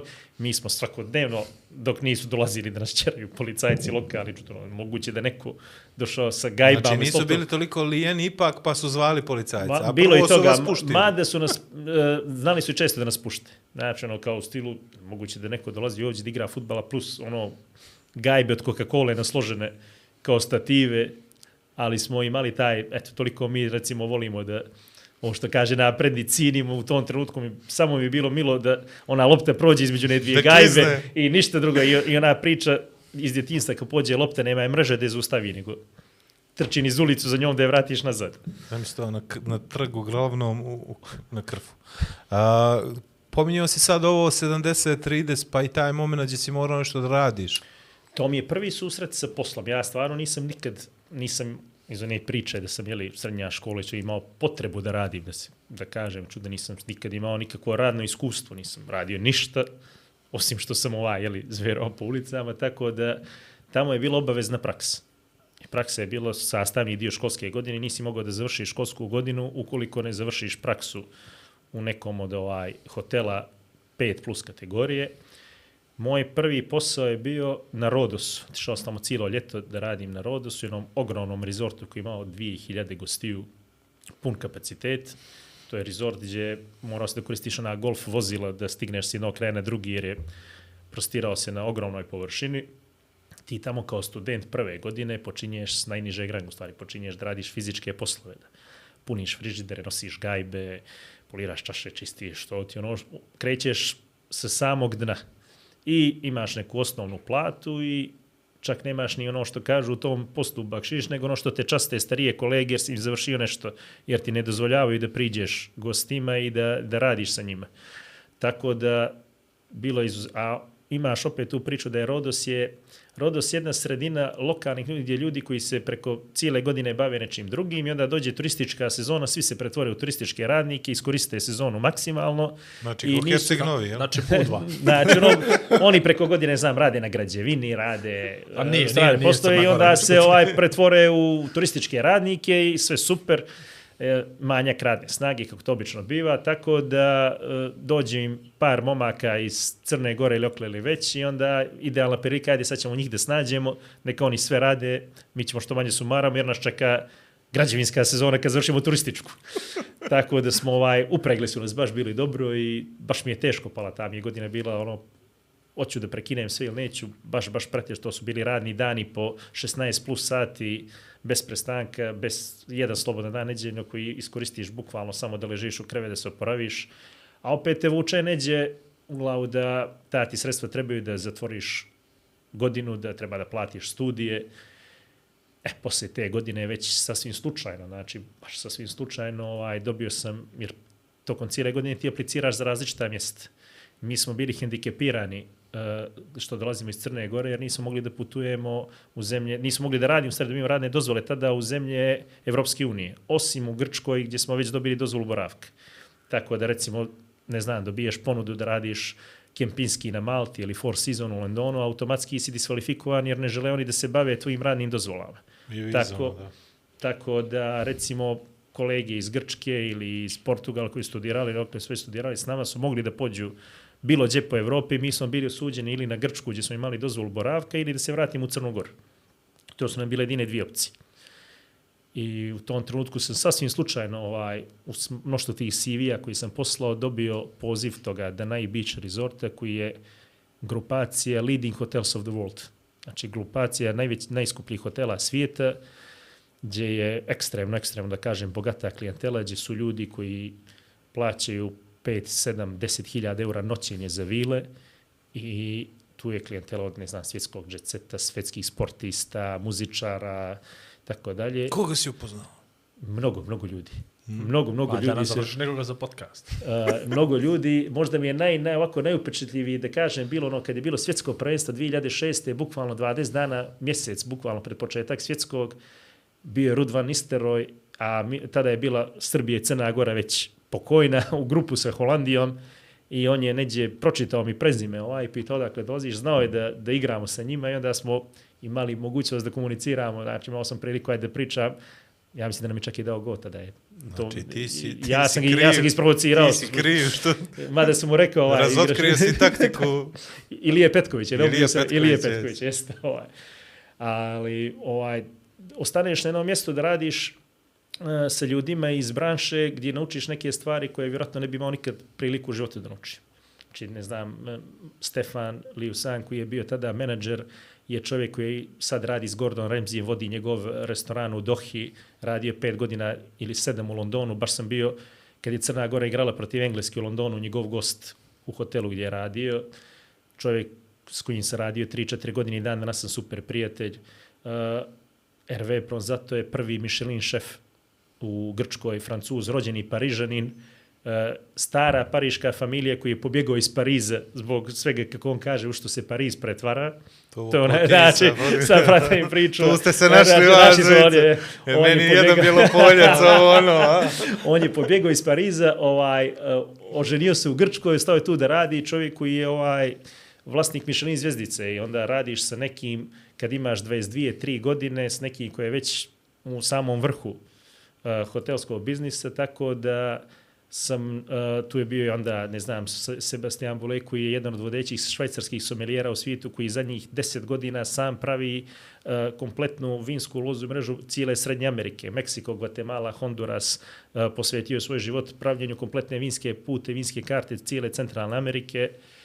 I znači radim s ljudima koji su, ajde da kažem, u vrhuncu svoje branši, a imaš neki 22-3 godine, onda Što shvatiš da se dobije... vratio? Ti To je, to, je, to, to je dobro pitanje. To je dobro pitanje. Izvini, Igore, ali... Ali to je, to je dobro pitanje, ali Što će tebi ovo? Uh, Daj kad- Če šećera. ti vidiš sebe za ti pet vidiš za pet godina? To je prvo pitanje, ali to je bukvalno, šećera. bukvalno prvo pitanje, ono školsko na intervju za, za posao kad te pitaju, ti nisi ono još ni, ni položio sve ispite, a oni te pitaju gdje vidiš sebe za pet godina. Da. Prvo što sam rekao, nema pojma. Da, ali baš, ba, baš ne znam gdje vidim. Ajde, Stvarno, šta se desilo, ozbiljno? Ajde, dobro, to reći. što se desilo. Mislim da se desila. Podgorica. Ali Dobro. ozbiljno, mislim da se Ti desila se vratio Podgorica. posle- Mislim da se desila po- ono jednostavno bio sam tamo 3-4 godine, e, sve je bilo ok, opet to je neka sezonska priča, to nije posao koji traje tokom cijele Da, da, godine, naravno. to je posao koji traje od aprila do oktobra. A onda od oktobra do aprila studiraš. E, Da, ali tada sam već završio Završio studije, već. već sam završio studije, ostao sam tamo da Previše je radim. bio u Grčkoj. ostao sam da radim i godinu posle studija. Su oni izrazili, ajde, želju da ja ostanem, meni je bilo fino, ostao sam još godinu, ali onda se, eto, vuče, mislim, u tim godinama društvo, Podgorici, izlaz, ne znam, jednostavno te nekako vuče nazad, e, zasitiš se možda e, istog mjesta tri godine, četiri isti ljudi, pogotovo što si već od oktobra do, do, do sljedećeg ovaj, aprila van toga i samo sam se vratio da kažem. Eto, mada ne žalim, stvarno nijednog trenutka nisam zažalio. Iskreno da budem. Baš nijednog trenutka nisam zažalio. To je jedno fenomenalno iskustvo. Radio sam sa ljudima, naučio sam mnogo. Uh, najviše to vidim sad kad predajem u toj branši svim studentima, koliko mi to iskustvo znači kad to prenosim na, na svoje studente koji su, a, jer uh, to je jedan dio tog posla koji sigurno ne bi mogao da imam u Crnoj Gori. Tako Da, da, jedna teorija, drugo je praksa. Tako onda- je, tako da to mi je, iz- ajde da kažem, uh, postoji ona priča, uvijek jedan dio svog znanja i svog iskustva sačuva, iako misliš u tom trenutku da ti ništa neće trebati, sačuvaš za sebe jer će se isplivati moment kad ti on treba. Tako da sve što sam prošao u raznim oblastima, sačuvaš neđe, pa možda dođe trenutak za to da izađe. Ne smijete pita da uporediš turizam u Grčkoj i Crnoj Gori, mislim, to je... Čekaj, ima on iskustvo, znaš, za Dobro, dobro, polako se čekaj, E. htio sam nešto da ga pitam za ove multimilijar, ne, ne znamo ni koliko je to nula, ovaj, ova noćena po 5, 7, 10, 11, 15 hiljada, kako je nama sve to imaginarno. Zapravo, nama običnim. Pa, u, u, u tadašnjem, ovaj, site- tada ja mislim da nije bilo, tada kad sam ja bio u Grčkoj, u Crnoj Gori nije postao slična priča, možda Jaman, mislim, ne znam da li Jaman tada još ušao na Sveti Stefan, ali to je, da kaže, najbliža bila priča. Međutim, danas ako gledamo, Crna Gora ima stvarno izuzetne rezorte koji nama, nažalost, za plate koje mi radimo nisu dostupne, ali uh, one and only, Aman Resort, Čedi, to su sve brendovi koji su u samom vrhu svjetskog hotelijerstva. Ja nisam radio, jesam radio za Adriatic Properties, koji je u sklopu Amana i pretpostavljam da je to taj nivo, ali uh, teško je nama što ti kažeš perspektive shvatiti kako razmišlja neko kome nije problem da za sedam dana potroši 50, 70, 100 hiljada eura i da nastavi dalje. Tada imao recimo jednu nevjerojatnu situaciju koju sam prisustvovao naj je ovaj, bio vlasnik uh, tri paketa uh, šampanjca Heitsik iz 1907. godine, čija vrijednost bila 10.000 eura po boci. A priča za taj šampanjac je fenomenalna. Znači, to je šampanjac koji je uh, carska Rusija poslala Francuskoj, to je Skalica Katarina kao poklon i taj brod je potonuo negdje uh, u Sjevernom moru sa svim ovaj svojim tovarom i oni su negdje ljudi koji se bavili podmornim istraživanjem, ironijaci su izvukli olupine toga broda negdje oko 2000. 2001. godine i našli su preko 10 kovčega, jer je taj šampanjac bio na dnu okeana, u hladnom, tamnom, koji su bili u fenomenalnom stanju. I taj šampanjac je pošao na aukciju. Što bi rekli, odležao je. Odležao je. Ako je iko odležao on je. Ako je iko odležao on je. Na mračnom i hladnom mjestu. Nije mogao bolje. Uglavnom, hotel je, nije baš bilo, ali dobro. Ho- hotel je kupio na aukciji pet ili sedam boca po prosječnoj cini 3 do 4 hiljade dolara tada. I toj boci je rasla vrijednost kako su godine prolazile. Ja sam prisustovao kad su neki naftni magnati iz Azerbejdžana, njih troje, četvoro, eli naručili bocu i su naručili bocu od 10.000 eura kao da su naručili oh, Kimbo, ja i ti što smo popili sad, znači bez ikakvog, ono, to je kao, Pa aj, mi smo se, boga mi, smo se povučili više, mi smo se, ali to je ovaj, i to su opet neke situacije koje su totalno imaginari, izgubiš, izgubiš realno, totalno izgubiš dodir s realnošću, jer Moram te pitan, kakav je tamo bakšiš, ono, nevjerojatno. jel ta? Pa ne, mislim, Pričaj nam malo o tome. Kako? Uh, pa ja sam, ne znam, kao student, eh, kao student koji se bori tada za svaki euro da, da plati, mislim, tamo kad sam došao, ja nisam, ja mislim, svi šest mjeseci sam samo stavio platu da leži sa strane i s njom sam ovaj, platio to što je trebalo, a jer tamo uh, izgubiš stvarno, kad si, pogotovo što si u rezortu koji, kojem je najbliže naseljene nekih 10-15 km udaljeno od samog rezorta i ti nemaš sad priliku da izađeš iz rezorta i pođeš na trafiku ili pođeš, on je totalno izolovan. I uopšte nemaš nikakvih dodira sa realnošću. Da tebe neko stavi 50 eura kao da je ono euro i ti to ne osjeća. Znači, ono, u stvari, ostaje ti 20 i ga gledaš kao ono najveći uticini. Moguće da mi 20 eura ostaje. Znači, bukvalno ga tako posmatraš. I to se, to se, ta se priča prožima ne samo kroz cijeli staf, ono, kao, ili bio onaj, bio onaj škot, kad smo već go škota, ili ostavi ono 20 eura, ono, to je već, neću, neću da ga pogledam sljedeći put. Tako da su to neke situacije koje nemaju puno dodira, ali kad uđeš u taj krug, prihvatiš ih zdravo za gotovo. Vežemo na sljedeće pitanje. Ima li Crna Gora i može li Crna Gora da napravi radnu snagu? Ok, naravno nemamo investitore koji će da investiraju tako nešto, ali evo, došli su svi ti hotelijeri koji si pominjao. Možemo li mi da odgovorimo, odnosno pripremamo li mi generacije koje zapravo mogu da se bave stvarno tom vrstom turizma? I da li je, ajmo odmah na sljedeće pitanje, da li neđe budućnost u tome ili pak je Crna Gora premala da bi razvijali i tu vrstu turizma, jer to mora da prati sve ostalo. Ne možemo Tako mi je. da imamo turizam 10.000 eura noćenje, a ako se nešto ne daje Bože desi da ti doktor pošalje da kupiš zavoj ili Hanzaplast u, u, u Pa apoteku. ima, ima, ima ta priča, recimo, da neko treba da dođe, recimo, e, s kraja Evrope privatnim avionom na Tivatski aerodrom za sat i po dva i onda treba se zaglavi dva sata od Tivta da putuje do, do Svetog Stefana, znači one dvije trake koje su. Ali ovo što ti kažeš ima, ali ja stvarno vjerujem da mi imamo i tekako kadra za ovaj, ja eto, kažem, već tri godine, u stvari sad je četvrta godina da predajem na Vatelu koji je vrlo slično, u stvari konkurentski fakultet kojem sam ja završio Glionu.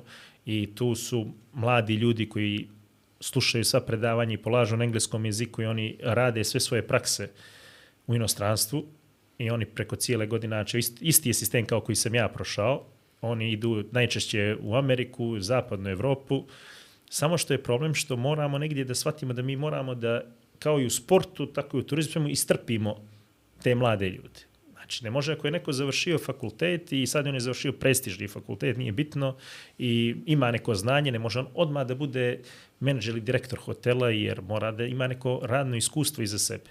To je ono, ajde, meni vladu najmilija tema sport, ono mladi igrač koji dominira u mladim kategorijama i onda ga gurne u prvi tim, postoji ta prelaz da mora malo da se istrpi neke greške, da moraju, a mislim da mi još uvijek nismo naučili da budemo strpljivi sa mladim ljudima, ne samo u turizmu i u sportu, nego u svemu. I da nam fali kako odmah hoćemo sve, hoćemo odmah rezultate i ti ljudi vjerovatno neđe kad odu sa strane osjete mnogo više podrške, osjete mnogo više razumijevanja od tih ljudi sa strane nego u svoju zemlju i onda naravno da često i ostanu gore, što mi je sasvim razumljivo. Mada mislim isto da je slađe punit frižider neđe u inostranstvu, ono punit frižider kod nas na primorju, a? Pa ima i toga, ima i toga. Mislim, eh, sve to s na drugim. financijski, izvini? Ne, nego i na tu satisfakciju. Kod nas to, mislim da se posmatra previše ono, A, ja sam završio, kao, pocijenjuje se. aha, Da, da, ne, da. nego i, i ti ga pocijenjivački ovaj, doživljavaš, a opet kad ti nešto neđe stranac ili inostranstvo nešto kaže, nešto zadati, tražiš dublji smisao, što bi dobro. da ga tražiš i, i, i ovdje opet kod nas. Im- I izvini, molim te, nadopunjava se fakultet inostrani u inostranstvu mnogo više, mnogo više ovaj se cijeni nego isti taj fakultet gdje je Vuk predavač. Mislim da ga ljudi tako, da je to pogrešna percepcija. Opet je, mislim, do mladih. Ima, ima, ima varijanti ovo što kaže, ali opet ja mislim da to ide sa, to je, ajde kažem, prokletstvo male sredine. Da se razumijemo. To je prokletstvo mala sredina gdje mi i dalje živimo da ovaj, sve najbolje znamo, mi i dalje smo u, u, ne samo u, u, turizmu, u sportu, svemu smo svemu najbolji. Dok nas neko ovaj, ono, tvrdo ne udario pod i ne sudarimo se s realnošću, onda se pitamo deset puta što je ovo bilo. Tako što ti kažeš, ti ljudi kad pođu neđe sa strane, njima se svaki mali iskorak i tekako cijeni. I vidi se da oni njima se prave neke analize progrese, ona koja je došao, ne znam, u septembru, pa ne zna ništa, pa je do novembra naučio tri stvari, to i, i tekako mu se daje podrška za te tri stvari koje je naučio. Kod nas se to prihvata sve zdravo za gotovo, ajde, dobro je nešto više, pok evo, tri mjeseca ga čekamo, nešto da pokaže. ovaj, Dobro, tako- još ništa naučio. Bukvalno, tako da je sam pristup e, od, od samog starta je, od samog starta je pogrešan. Druga stvar, mislim da mi polako izlazimo kad je edukacija mladih ljudi u, u pitanju iz onog razmišljanja socijalistično više ne postoji autoritet zato što je neko profesor ili predavač i on se sad pojavi u nekoj sobi i on je sam po sebi autoritet. To je postalo ono vrijeme kad sam ja bio u osnovnu školu, pa dođe profesor, pa te digne za zulufe, upali ti čvrnjoku. Ti sad moraš autoritet da pokažeš znanje. Jer ti mladi ljudi imaju mnogo više dostupnosti svemu nego što smo mi imali. Mi smo imali Tako. predavača koje smo slušali, imali smo onaj učbenik i to su nam bile dva izvora informacija, nije bilo trećeg. Te, Sad oni... Ven, Vene u zbirku stavi pogrešan rezultat konačni i ti, vrate, tri dana dumiš, ne možeš da dobijaš to. oni sad imaju društvene mreže, imaju uh, pretraživač, imaju sve moguće opcije da provjere da li to što ti pričaš u stvari tako. Tako je. I oni u svakom trenutku mogu da ti kažu, vi niste u pravu, jer evo, evo, tri evo, izvora. Wikipedia kaže. Tako je, Wikipedia između stalo. Tako da uh, mislim da je prošlo vrijeme da se autoritet gradi samo strogoćom.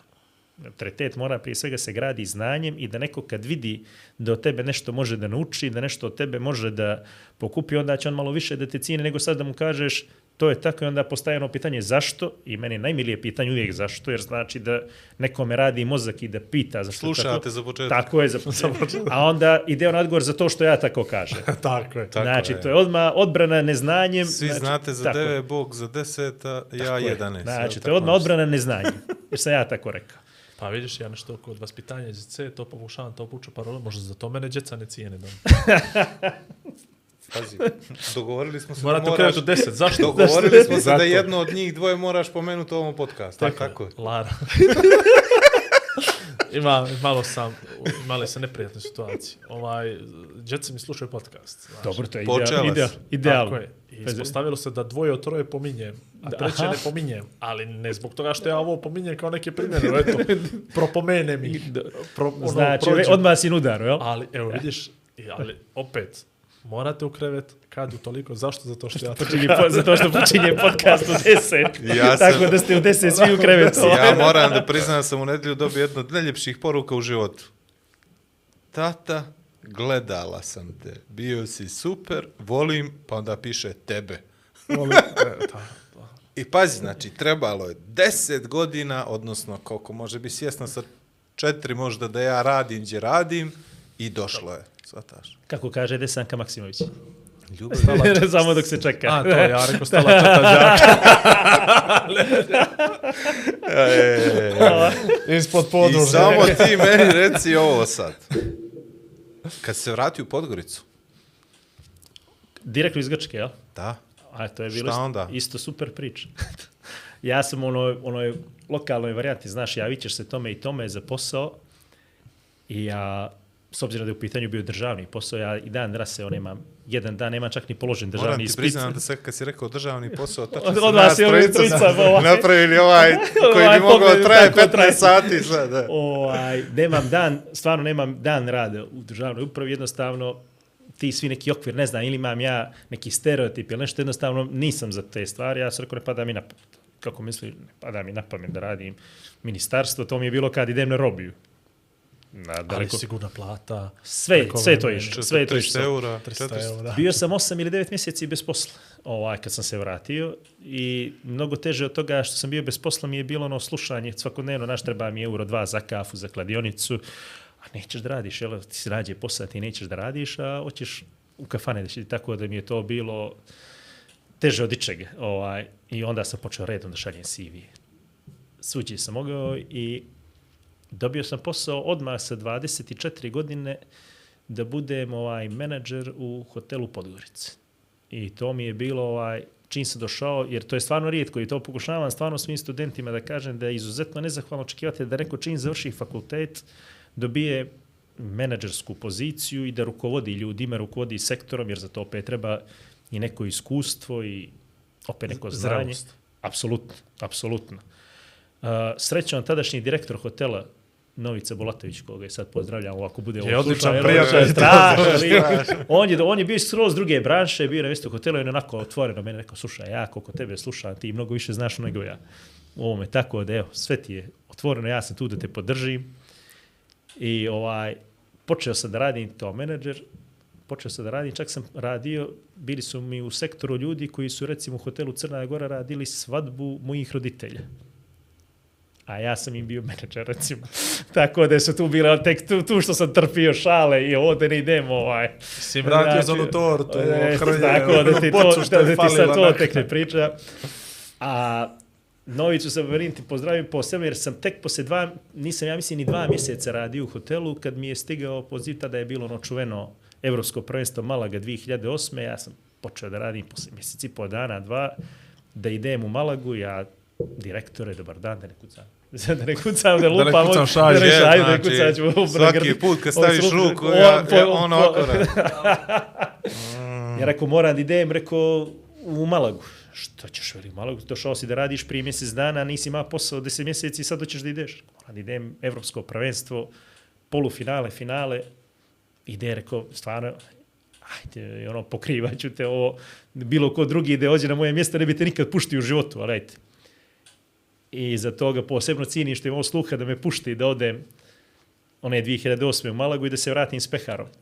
A to je ovaj, ti si bio dio te navijačke grupe rijetke koja je donijela to. Ja sam ovaj nis, da ne uzmem da ne uzimam zasluge, bilo je tamo momaka koji su bili cijelo evropsko prvenstvo. Dobro. Znači oni su stvarno napravili njih jedno 20 30 Tako koji je. su baš cijelo vrijeme bili, dobili su tamo i na, nadimak Lokos Montenegros i oni su stvarno napravili ovaj spektakl tamo tih 20 dana. Mi smo došli kao pojačanje u zadnjem trenutku na on polufinale i finale i ostali smo I tamo- ovih njih peše si skupštine i Je, predsjednik. bilo je njih, njih su, oni su nas oni su nas posebno mrzeli jer smo ih ćerali jer smo ih ćerali da ovaj da stoje cijelu utakmicu. Nismo im dali ide zbog atmosfere. Mm -hmm. Tako da nas posebno nisu voljeli. Ovaj ali desilo se fenomenalno stvar, osvajamo, pr- postajemo prvaci Evrope već, kako je to, to je ono osjećanje za sva vremena. To je ovo sad čuveno, ako ništa imamo to Zlato zlato iz Malage. Malage. Dobro. Ja sam bio u prvoj liniji, odmah sam se spuštio put dođe, izlazi, sjećam se, ovaj Vijeko Pasković donosio onaj pehar direktno u ruke, hiljadu nekih slika koji izlazi naslov na stranu u arenu, Tako gdje je. držim pehar prvaka Evrope u kapicu, ruke. li ti Imao sam kapicu koju mi je dao sadašnji selektor Vlado Gojković, tada kao igrač, i ja držim onaj pehar prvaka Evrope i onda ide najjača varijanti, se vraćamo svi istim avionom i sljedeći onaj avion u Tivat, eh, onamo doček fenomenalan za vaterpoliste. Imao sam tada su mi dali neki bubanj, nije mi uopšte jasno bilo zašto su meni dali bubanj, jer ako postoji neko ko je netalentovan za rita i muziku, to sam ja. Znači, nikakvo, nikakve veze nemam sa tim. Dobro, to je i svrha bubnjara na Baš utakmicu. neće ništa, ono, ništa ne mogu da uhvatim, što je totalni antisluhista što se toga tiče. I kažu, ne, ne, vas četvorice idete s nama. Rekao, "Će, idemo samo. I onda smo mi bili dio one ture koja je išla, čak je tada Pero Porobić kaže, prvo neka izađe Vuk i ekipa, pa će onda igrači. Sad pravi se onaj špalir ispred starog grada u Kotoru. Ljudi čekaju prvaki Evrope, izlazimo naša tvorica prvi. Ono, kao, ono, u sred Kotora, ovaj, penjao se totalno. Tako da je to bilo, to je bilo ovaj, fenomenalan taj dio, onda se vraćam posle svega toga na posao i kaže, direktore, ako ništa drugo, donio sam pekar prvake Evrope, tako da možete ona, ona tri dana da mi opravdate što nisam bio na posao. Ovaj. I koliko ti to trajalo u hotelu Podgorica? Nije dugo, nije dugo iz prostog razloga što ta moja želja da stalno nešto novo ovaj, vidim, e, pojavila se jedna internacionalna američka firma koja se bavi e, nekretninama i konsultingom Colliers International i izvršni direktor je bio Grk. I nekako smo se ovaj znali kao jer nije bilo puno tih ljudi koji znaju grčki ili tako saznao. Ja sam došao na razgovor i on je na prvo pitanje šta ja znam o, ono, o real estate ja sam samo rekao apsolutno ništa. Pa što si došao na razgovor za posao čovječe, ja rekao, baš ne znam ništa. ti- ti znači, na baš, apsolutno ništa ne znam. Ali znam o ovome što-. I on mi kaže, ovaj, možda je to bolje jer onda mogu ja da te od početka naučim svemu nego da si neki priučeni koji je ovaj, ali ja stvarno ništa nisam znao o tome, nisam bio, jednostavno mi je, bilo mi je onako, ajde, internacionalna firma, consulting, eh, iako stvarno ništa o tome nisam znao i ostao sam tamo 3-4 godine i naučio sam o tome poslu ne sad puno i dosta, ali čini izradio sam sa ljudima isto koji su iz inostranstva. Nekako mi je uvijek vezano da sam radio sa menadžmentom koji je ovaj, u inostranstvu. To mi je bila neka odskočna daska da posle radim za jednu od najvećih investicionih grupa na svijetu, Katari Diar iz Dohe, koja je imala onaj projekat na plavim horizontima koji, nažalost, zbog svega što je okruživalo, nije nikad završen, a koja, recimo, radi projekte koje su stotina miliona vrijedni u centru Londona, koji su kupili Scotland Yard, pa tamo prave rezidencijalno naselje, koji rade projekte u Parizu, koji su dio grupe Kije, koja je vlasnik Paris Saint-Germaina, tako da Eto, to je još jedna priča da se vežemo na turizam u Crnogoru gdje smo imali investitora koji je bio spreman da dovede Four Seasons ili Mandarin Oriental u, pod, u Crnu Goru Tivata. Mi smo našli način da ne uspiju. Tako da tu su, Imam neku zemlju. ne, ima, ima, neko- pa možeš i opet ih- neku zemlju, pa pa, dva broja telefona. Tako da, i to je dio te priče koliko smo blizu ili daleko. Ovaj. Imam osjećaj da dokle svako nešto svoje ne zakuči, ne može ovaj to da uspije kako treba. Tako da. I koliko si imao godina kad si završio Skoliersu?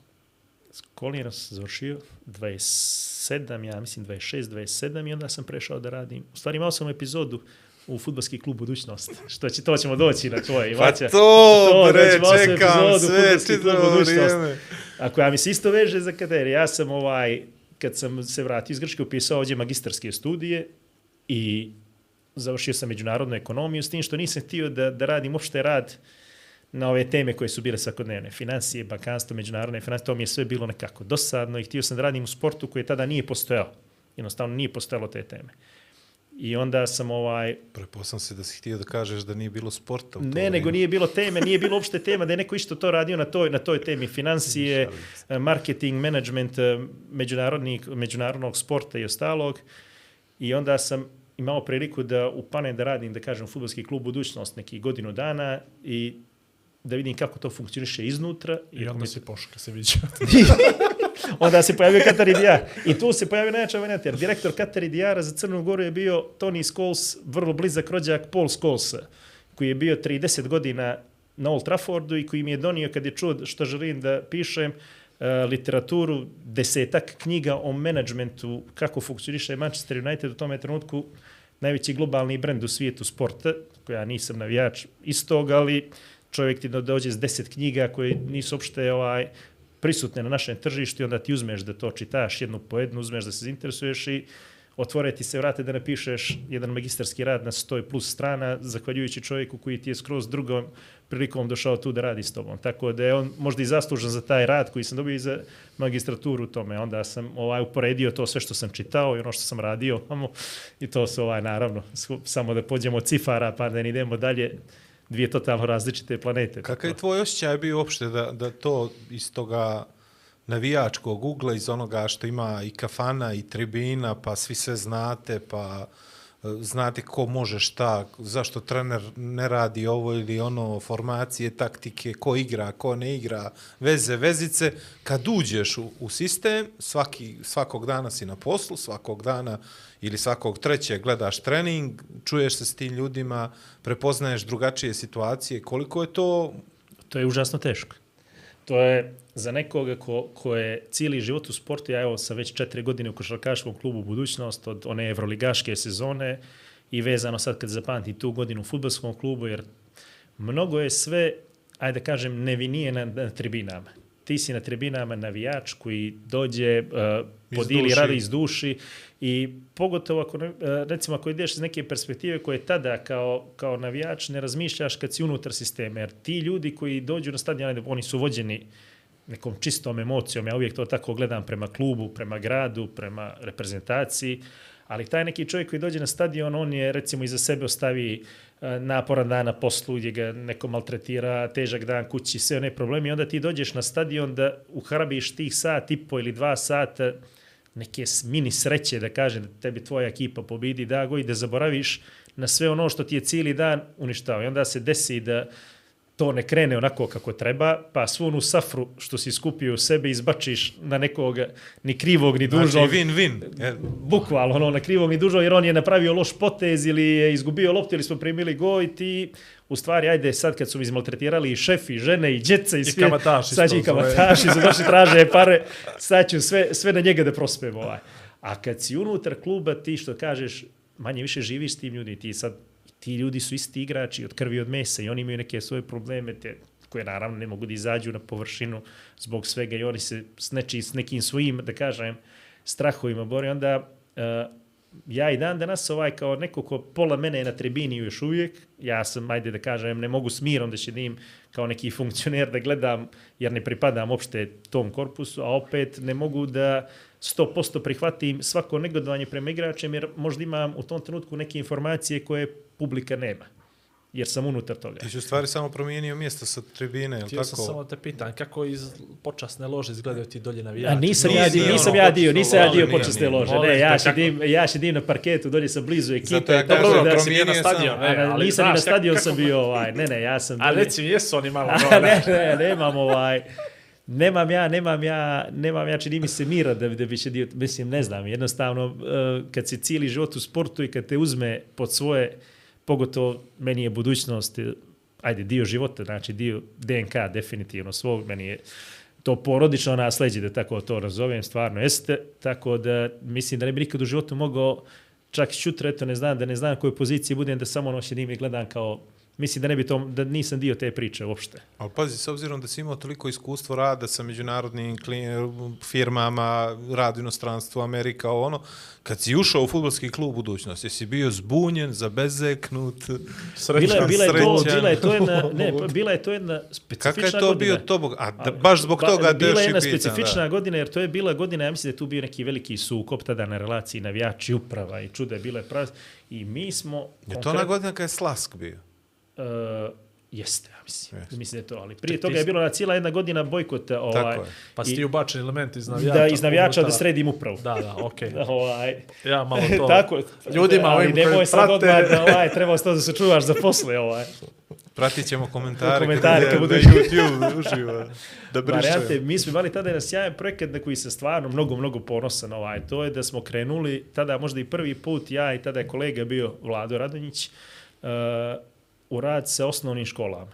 I mi smo na 3, 4, 5 takmice imali blizu hiljadu djece iz osnovnih, jedna cijela, ona, da kažem, južna tribina Gornji sprat je bio uh, popunjen djecom iz osnovnih škola. Smo igrači, tada je bila na generacija uh, Điđo Vukčević, Stefan Mugoša, Risto Radunović i ta ekipa nekako meni, ajde, s obzirom da sam bio u klubu, tada nisam bio na tribinama, naj, najmilija, da kažem, pored one generacije koje moje, ovaj, da kažem, godinama koji su bili Burzo, Mugi i Kobe Vukčević koji su, ajde, odrasli smo zajedno, neđe sam s njima trenirao u mlađim kategorijama, dok nisam vidio sam mnogo bolji od svih njih, pa sam odustao. Tako je. Ovaj, tako da, ovaj, I onda se s njima išao po osnovnim školama, djeca su imala priliku da se slikaju s njima, da im oni nešto potpisuju, da dobijaju od njih lopte, drese, pa onda dođu, navijaju za njih.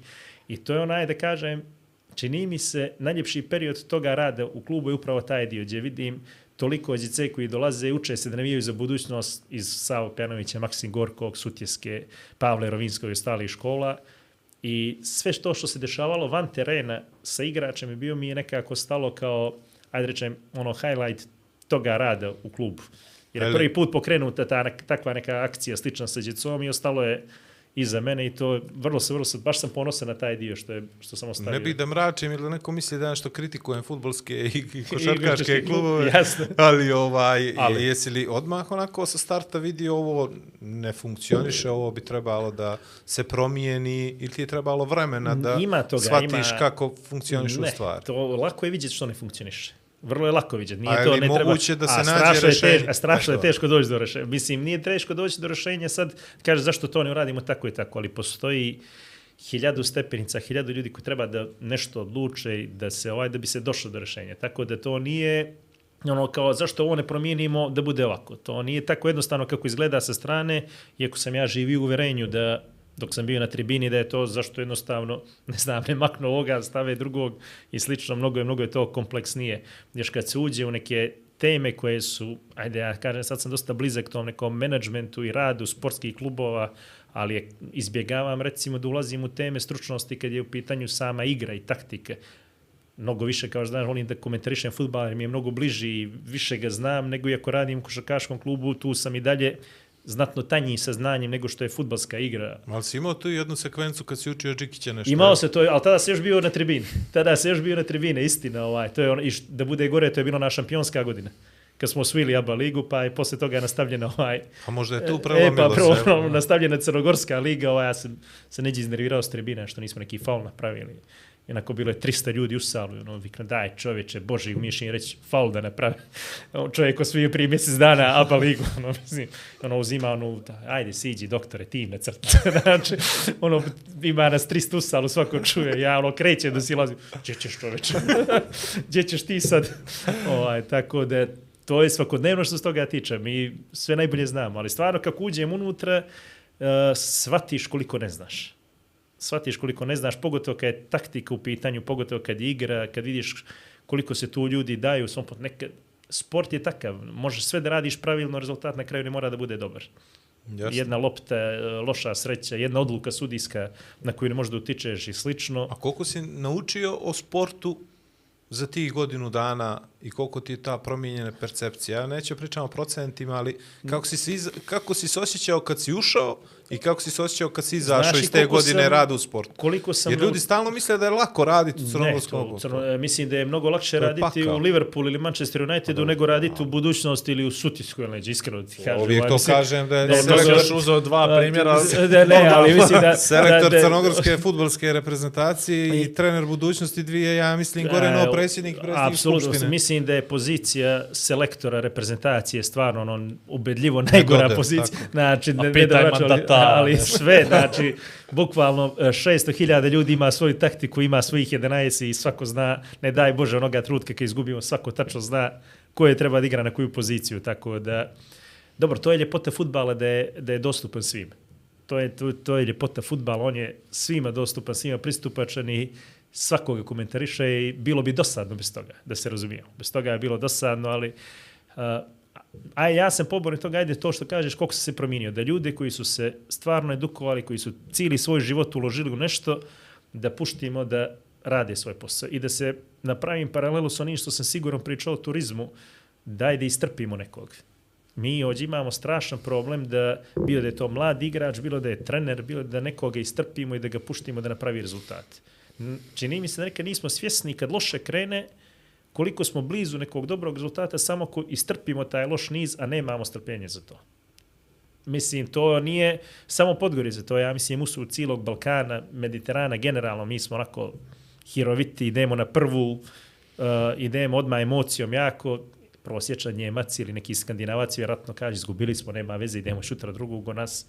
I to pitanje života i smrti, tako da strašno teško možemo da prođemo pored nečega, da ne damo ajde kažem, puni doprinos da to štetimo kako treba prije nego što... Ovaj, Da prije nego dobro što ne grdimo. Tako da, ovaj, mislim da to sam najviše, što ti kažeš, kad sam izašao, najviše sam onu priču, da se vratim početak, naučio koliko da ne, da ne vičem, da kažem, na, na igrače, na trenere, na mladi, jer sam vidio kako to funkcioniše unutra i ima mnogo veći prag tolerancije nego što sam ga imao dok sam bio na tribini.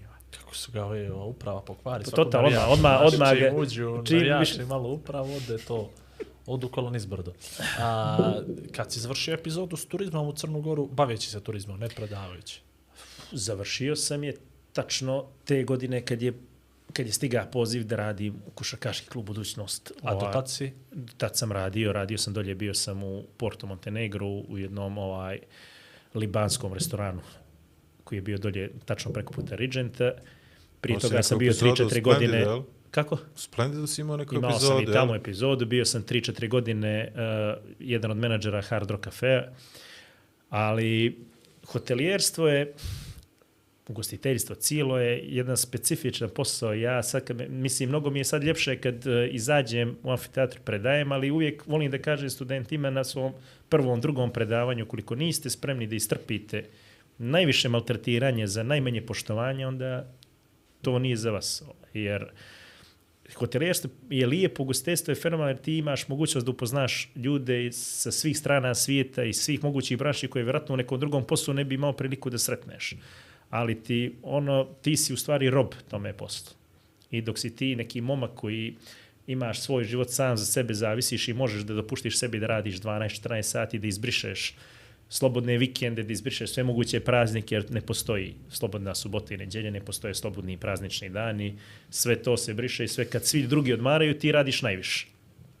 Onoga trenutka kad dođe porodica, kad eh, dođu ljudi koji ti čine živote, jeli, onda ti shvatiš da uh, ipak je to posao koji ipak tebe traži previše. Naravno, ima mnogo porodičnih ljudi koji se uspješno bave time. Ja sam nekako čuvam, da kažem, to znanje za šutra, ne daj Bože, ako ne budem imao gdje, vas da se mogu vratiti turizmu i ugostiteljstvu. To mi je nešto kao sigurna luka, ali jednostavno ne bih volio da, da dolazim u situaciju da žrtvujem neko svoje slobodno vrijeme sa prijateljima, porodicom prije svega, zarad posla bez ako bude morao. Tako da kad je stigao poziv iz košarkaškog kluba da se preključim, još se tada pravila posebna ekipa, jer je budućnost posle 20 godina ušla u Euroligu, pravio se poseban tim menadžmenta koji je bio za komuniciranje s Euroligom, za sve ono što Euroliga traži od klubova na tom nivou. Čvrsto sam odlučio da pređem i evo, to je četvrta godina rada u klubu za sad. Link sa turizmom je predavanje sa studentima koji mi je možda i najljepši dio turizma i kulturista koji imam, ovaj, jer prenosim neko svoje znanje i iskustvo. Na kraju krajeva imam nas pred sebe 50, 60, 100 i kusur mladih ljudi koji su ženi znanja, koji te u svakom trenutku izazivaju da te nešto pitaju, ulaziš s njima u uh, kvalitetne rasprave, razmine mišljenja i kad bi to tako moglo da potraje, ja ne bi ništa mijenjao što se tiče i sporta i turizma. Spojio sam ono da kažem lijepo i korisno. Jesi li znao... Izvini. Ajde, Je. ne, ne, ajde. ajde. ne, ne, sad Ne, ne, nema kolega Perović, kolega Perović, Ja, izvoli. svi, hoću li ja? Se znao, ajde, ti nešto nas pita. je, kad se desila ta titula ovaj, u ABA ligi, nisi ovaj imao pojma. Ja sam Kako ugostitelj. misliš nisi Nisi imao pojma da će da treba neko Nisam ovaj... košarkaškom klubu ne, nisam, kao što si ti. Ne, ne, ne, ja ne Ne, ja ne nisu. znam sad što ću im, ovaj, kad smo go toga. Ne, ne, stvarno nisam imao pojma. Ovaj, ja sam bio, ajde da kažem, uh, dok su te sezone, ta sezona, pogoji sve prehodne sezone, tu je bila neka šira ekipa društva koja se je li širo od 10, 15, 20 do nekih 100 plus ljudi u onom sektoru, tada čujenom iza klupe, klupe su sad, tada bila preko puta nego gdje su sad.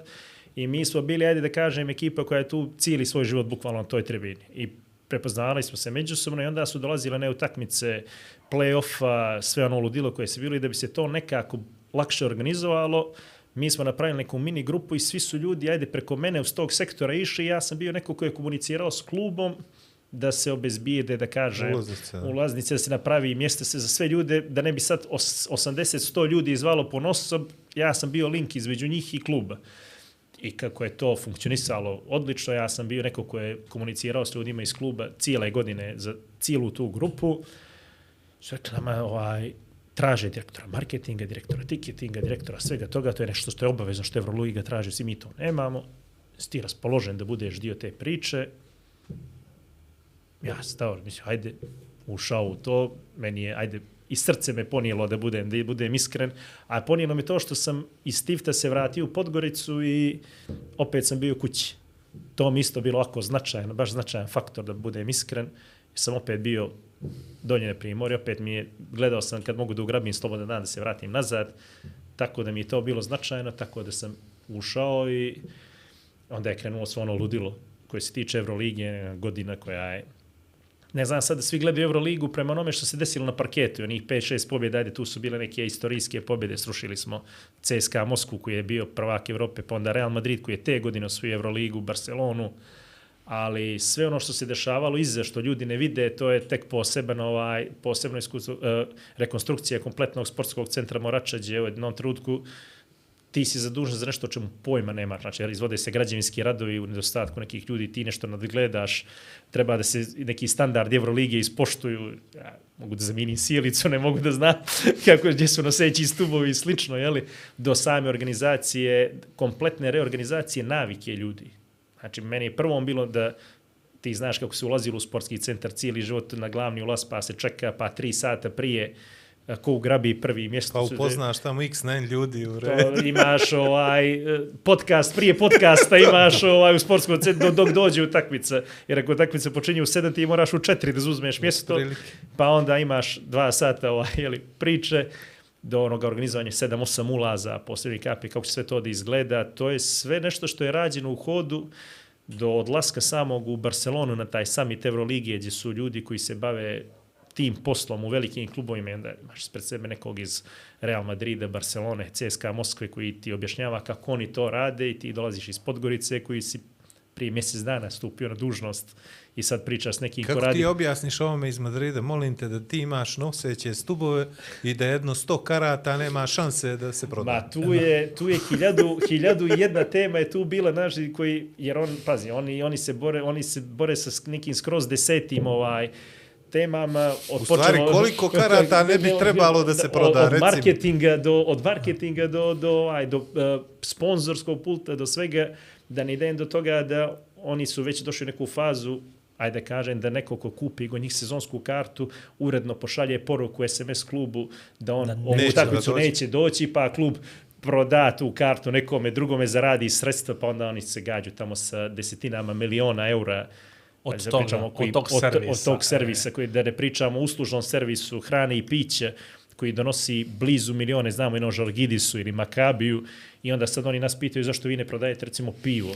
Oka mi Pa recimo kako. završilo bi ova, gdje bi završila sva ta piva da ne ide ili da sad neko je kupio, ne znam, u to vrijeme 150-200 eura plus sezonsku kartu i ti očekuješ da ti on pošalje poruku a molim tako ne njemu da- dođe, reci mi da bi ja mogao tvoje, vjerojatno te tri sočne psovke uz to čekaju. Ja njemu da one, 200 eura, one lijepe kad, kad ti mobilni operater pošalje... Tako ovaj, je, Onda tako je. opet Da mene ti pričaš s njim, iako Vidi, znaš da neće to su, doći. ni- Ali vidi, to su, to su, di, di, pazi, to je prelijepo. Kogod tebe, svata, tebe stavlja na pravo mjesto na mođe si ti, a shvataš koliko si mali, ali takako shvataš gdje bi u stvari mogao, mogao da budeš. Ja se sjećam jedne konferencije iz se da je bila 17 ili 18 gdje su bili race direktori, šta ja znam, iz Evrope, i gdje su oni nama na predavanju uh, dodatne, uh, k- kako na jednoj rasprodatoj triatlon trci u marketing smislu oformiti nove pozicije gdje bi mogao nove sponzore da dovedeš. A, ono, te, a ti pucaš na svaku stranu. Znači, mogo bi da staviš svakog crnogorskog sponzora, svaku firmu da je I uglaviš opet bi neđe. bilo dodatne. I opet, a oni su sve živo rasprodali, dostigli su do maksimume nivoa i mm, visibility-a i svega i oni su sad našli, našli novi moment gdje oni zapravo ostavljaju jedan veliki LED display na sve neke staze gdje su to čipovima pomjereno, gdje ti onda pretrčavaš i onda on kapira da si ti za 5 sekundi pojavljaš na tom mjestu, a oni tu šalju ličnu poruku koju je tvoja familija uploadovala za tebe i onda je logo sponzora tu. Paf. I fotograf naravno da uvati tebe, tu ličnu poruku, tvoju emociju i logo sponzora i oni to Znači, implementacija toga košta novca koliko hoće košta organizacija kompletno događaja, jel? I ja ti treba da nađeš nekoga da sve to finansira i da sve to, to, i ti onda, što ja radim, ovdje gubim ja vrijeme, a u stvari ne, ti gledaš budućnost nečega i shvataš da postoji još jedan dugačak put tvoj i naravno će se pojaviti hrana i piće u sportskom centru Morača. Ne, će to Ne, biti bilo, za pet mislim, ili deset. jasno, U- bilo u je toga, tom- samo u tom, obliku jeste, u kojem, tom obliku. jer e, to su, e, ti se baviš organizacijom sportskih takmičenja i ti si u tome, ajde da kažem, možda i na nekom najvišem rangu u kojem se može baviti neki individualac, u tom, pa znaš kako to funkcioniše, ideš često napolje, komuniciraš s ljudima koji to rade na najvišem mogućem nivou i onda a, ljudi, ja mislim, još uvijek ne shvataju kolika je moć finansijska sporta kod nas. I ovdje se još uvijek posmatra da je sport nešto što je trošak neminovno da košarka nema tu moć futbala da privuče TV prava, sponzore i da taj novac koji se sliva u futbalu bude, ali ajde pođemo s jedne druge strane, ja mislim da sad da ne ulazim u cifre jer nema potrebe da otkrivam, ali e, te godine u Euroligi što je budućnost prehodovala od onoga što je fizički način, ulaznice, ja mislim da a, ni jedan crnogorski klub nikad u istoriji neće prihodovati. To su nenormalne cifre za naše uslove. Za neke uslove sa strane oni bi rekli, ok, ništa posebno i to je nešto što je sasvim normalno. Ali mi smo imali recimo tu situaciju da je sportski centar Morača s Podgoricom koja ima nepunih 200-220 hiljada stanovnika bio treća najpopunjenija dvorana te godine u Euroligi, jer oni mjere popunjenost dvorane percentage, znači ne mogu sad da mjere Moraču s 5 hiljada i dvoranu od 30 hiljada, nego oni mjere procentualno koliko je bilo. Ona je bila koliko mi se čini, 78 ili 79% popunjena tokom cijele sezone, posle Makabije i Žalgidisa, to je treća dvorana bila u Evropi. Tada, te godine. A opet da se vratim na one što ne mogu iza stubova, jel? Tako je.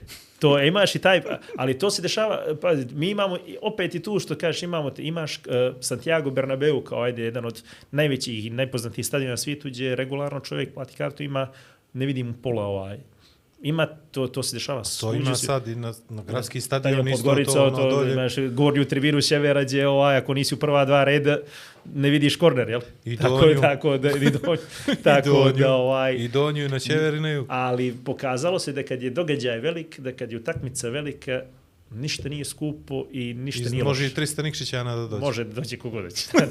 ne, tada smo imali nevjerojatnu situaciju da i region dolazi, što mi je bilo fascinantno da sam morao da komuniciram s ljudima iz Zagreba, iz Beograda, iz Novog Sada, iz Prištine, iz Skoplja koji su dolazili da gledaju Barcelonu. To ti onda je bilo fascinantno, recimo, dođe ti grupa od 30 ljudi iz Skoplja ili iz Ljubljane da gleda budućnost Barcelona, a onda sretneš nekoga, a su igrali uče, nisam mogao da idemo. A on živi, znači, 100 metara od, od sportskog centra. Tako da, tih situacija smo imali. Kad ćemo doći do toga da pričamo o karbonskom otisku i O, sustainability. To, da, to je to je mislim to je priča 21. vijeka. Pa I to da, kogod da. kogod ovaj je malo komunicirao sa sa inostranstvom sa, nekom ljudima, stranac- je to je to je jedina, u stvari to je jedina tema 21. vijeka. Ja če imam jedan od najvažnijih predavanja, da kažem, uh, taj sustainable održivi turizam. Čak postoji ona priča da uh, je to pluralizam, da sustainable uopšte ne treba turizam sam po sebi mora da bude održivo. Ovaj. I sport isto, ali mislim da smo mi baš miljama daleko od te priče, od ti si u najem pričao da si bio i da su, da je to bila jedna od glavnih tema sad u Škotskoj gdje si bio sad mi da dođemo ovdje i da pričamo o toj temi. 17 tačaka, 17 boja. Mislim da smo mi baš, baš prvo, uh, na, počeo od onoga najnižem, pa mi prvo moramo da uđemo u kompletnu edukaciju svega toga. Znači, uh, ono kad uđeš u velike hotele, pa ima onaj znak, molim vas, nemojte odmah peškire da stavljate napred, nego ih iskoristite makar tri puta, prvo to bi tražio ovaj čovjek, tri puta isti peškir da koristim, da ne idemo dalje, onaj prvi korak održivosti, da ne idemo dalje. Tako da je to tema koja je mislim, u Evropi ona svakodnevna i ona ide ka tome da bude opšte prisutna, da taj uh, zero percentage bude svugdje prisutan. Ima jedna strašna, ovaj, to bi preporučio našim gledalcima, jer koji nas danas gledaju, uh, jedna strašna čuvena ona TED, jedna od onih TED konferencija gdje tadašnji vladar, ja mislim da je ona iz 2016. ili 17. vladar Butana, male zemlje u Aziji, jeli, uh, prezentuje svoju zemlju koja je prva uh, zero percentage zemlja kompletna na nivou cijele države. Mislim da je sad postigla to i Kostarika, da je ona druga zemlja koja je, ima 0% uh, ovaj, emisije štetnih gasova u svemu, od turizma, životne sredine, sporta i tih 15 minuta kako ljudi koji su, prvo pričamo o jednoj ekstremno siromašnoj državi, znači ne pričamo o zapadno razvijenim zemljama, nego Butan je jedna zemlja koja je u podnožju Himalaja, koja živi od poljoprivrede, stočarstva, koja nema uopšte neku razvijenu, da kažem, ima jedan ili dva aerodroma do kojih se dolazi onim malim avionima jer nema razvijena. Kako je ta zemlja postala zemlja koja ima, u stvari, ulazi u minus proizvodnje emisije gasova, u stvari, kako on to voli da kaže, tako je, tako on kaže, carbon uh, neutral uh, minus country, znači ono prva koja je ušla u minus, ona više proizvodi nego što troši emisije da gasova. Tako da to bi preporučio baš da se pogledaj i da napravimo paralelu Butanima, ja mislim 800.000 stanovnika.